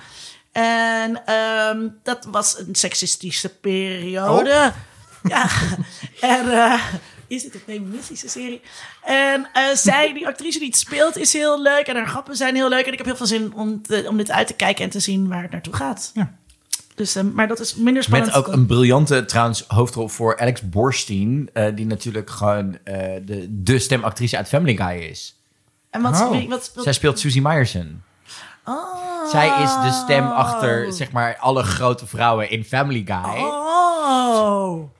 En schrijfster van. Maar zij kon Zo, hier voor het eerst Dit is echt een heel goed kiki weetje. Ja, eh, dat is zij. En En zij... zij, dus die Susie eh, is, is een ehm, beetje butch. Ja. eh, of nou, een beetje gewoon een butch. eh, eh, medewerker in een stand-up comedy café. En zij ziet dus potentieel daarin. En zij gaat dan eh, die Mrs. eh, Measley managen. Ze speelt onder andere de moeder in Family Guy. Is onder andere haar rol en dat soort dingen. En zij, Oh, zij grappig. schrijft ook mee aan Maar ik heb haar nog nooit gezien als actrice in iets. Dat. Vanwege haar butchness. Ja. En eh, wie ik ook heel fijn vind in deze serie is natuurlijk ook eh, super geek. eh, hoofdrolspeler uit Monk, Tony Shalhoub. Oh ja, die speelt de vader. Ja, dat is Ja. ook heerlijk. En, eh, en die ene gast. eh nou ja, nee, wacht, wacht. Ja, ik ga dit gewoon, ik ga dit gewoon Even weer terug naar het begin. Ja, nee, want anders wordt het die ene blablabla. Oké, dit was aflevering 80 van de podcast Geeky Dingen. Wij vinden het heel leuk als je ons liked. Nog veel leuker vinden we het als je ons aanraadt. Aan je vrienden, dat kan zowel fysiek als op sociale media. Zorg dat je altijd anderhalve meter afstand houdt.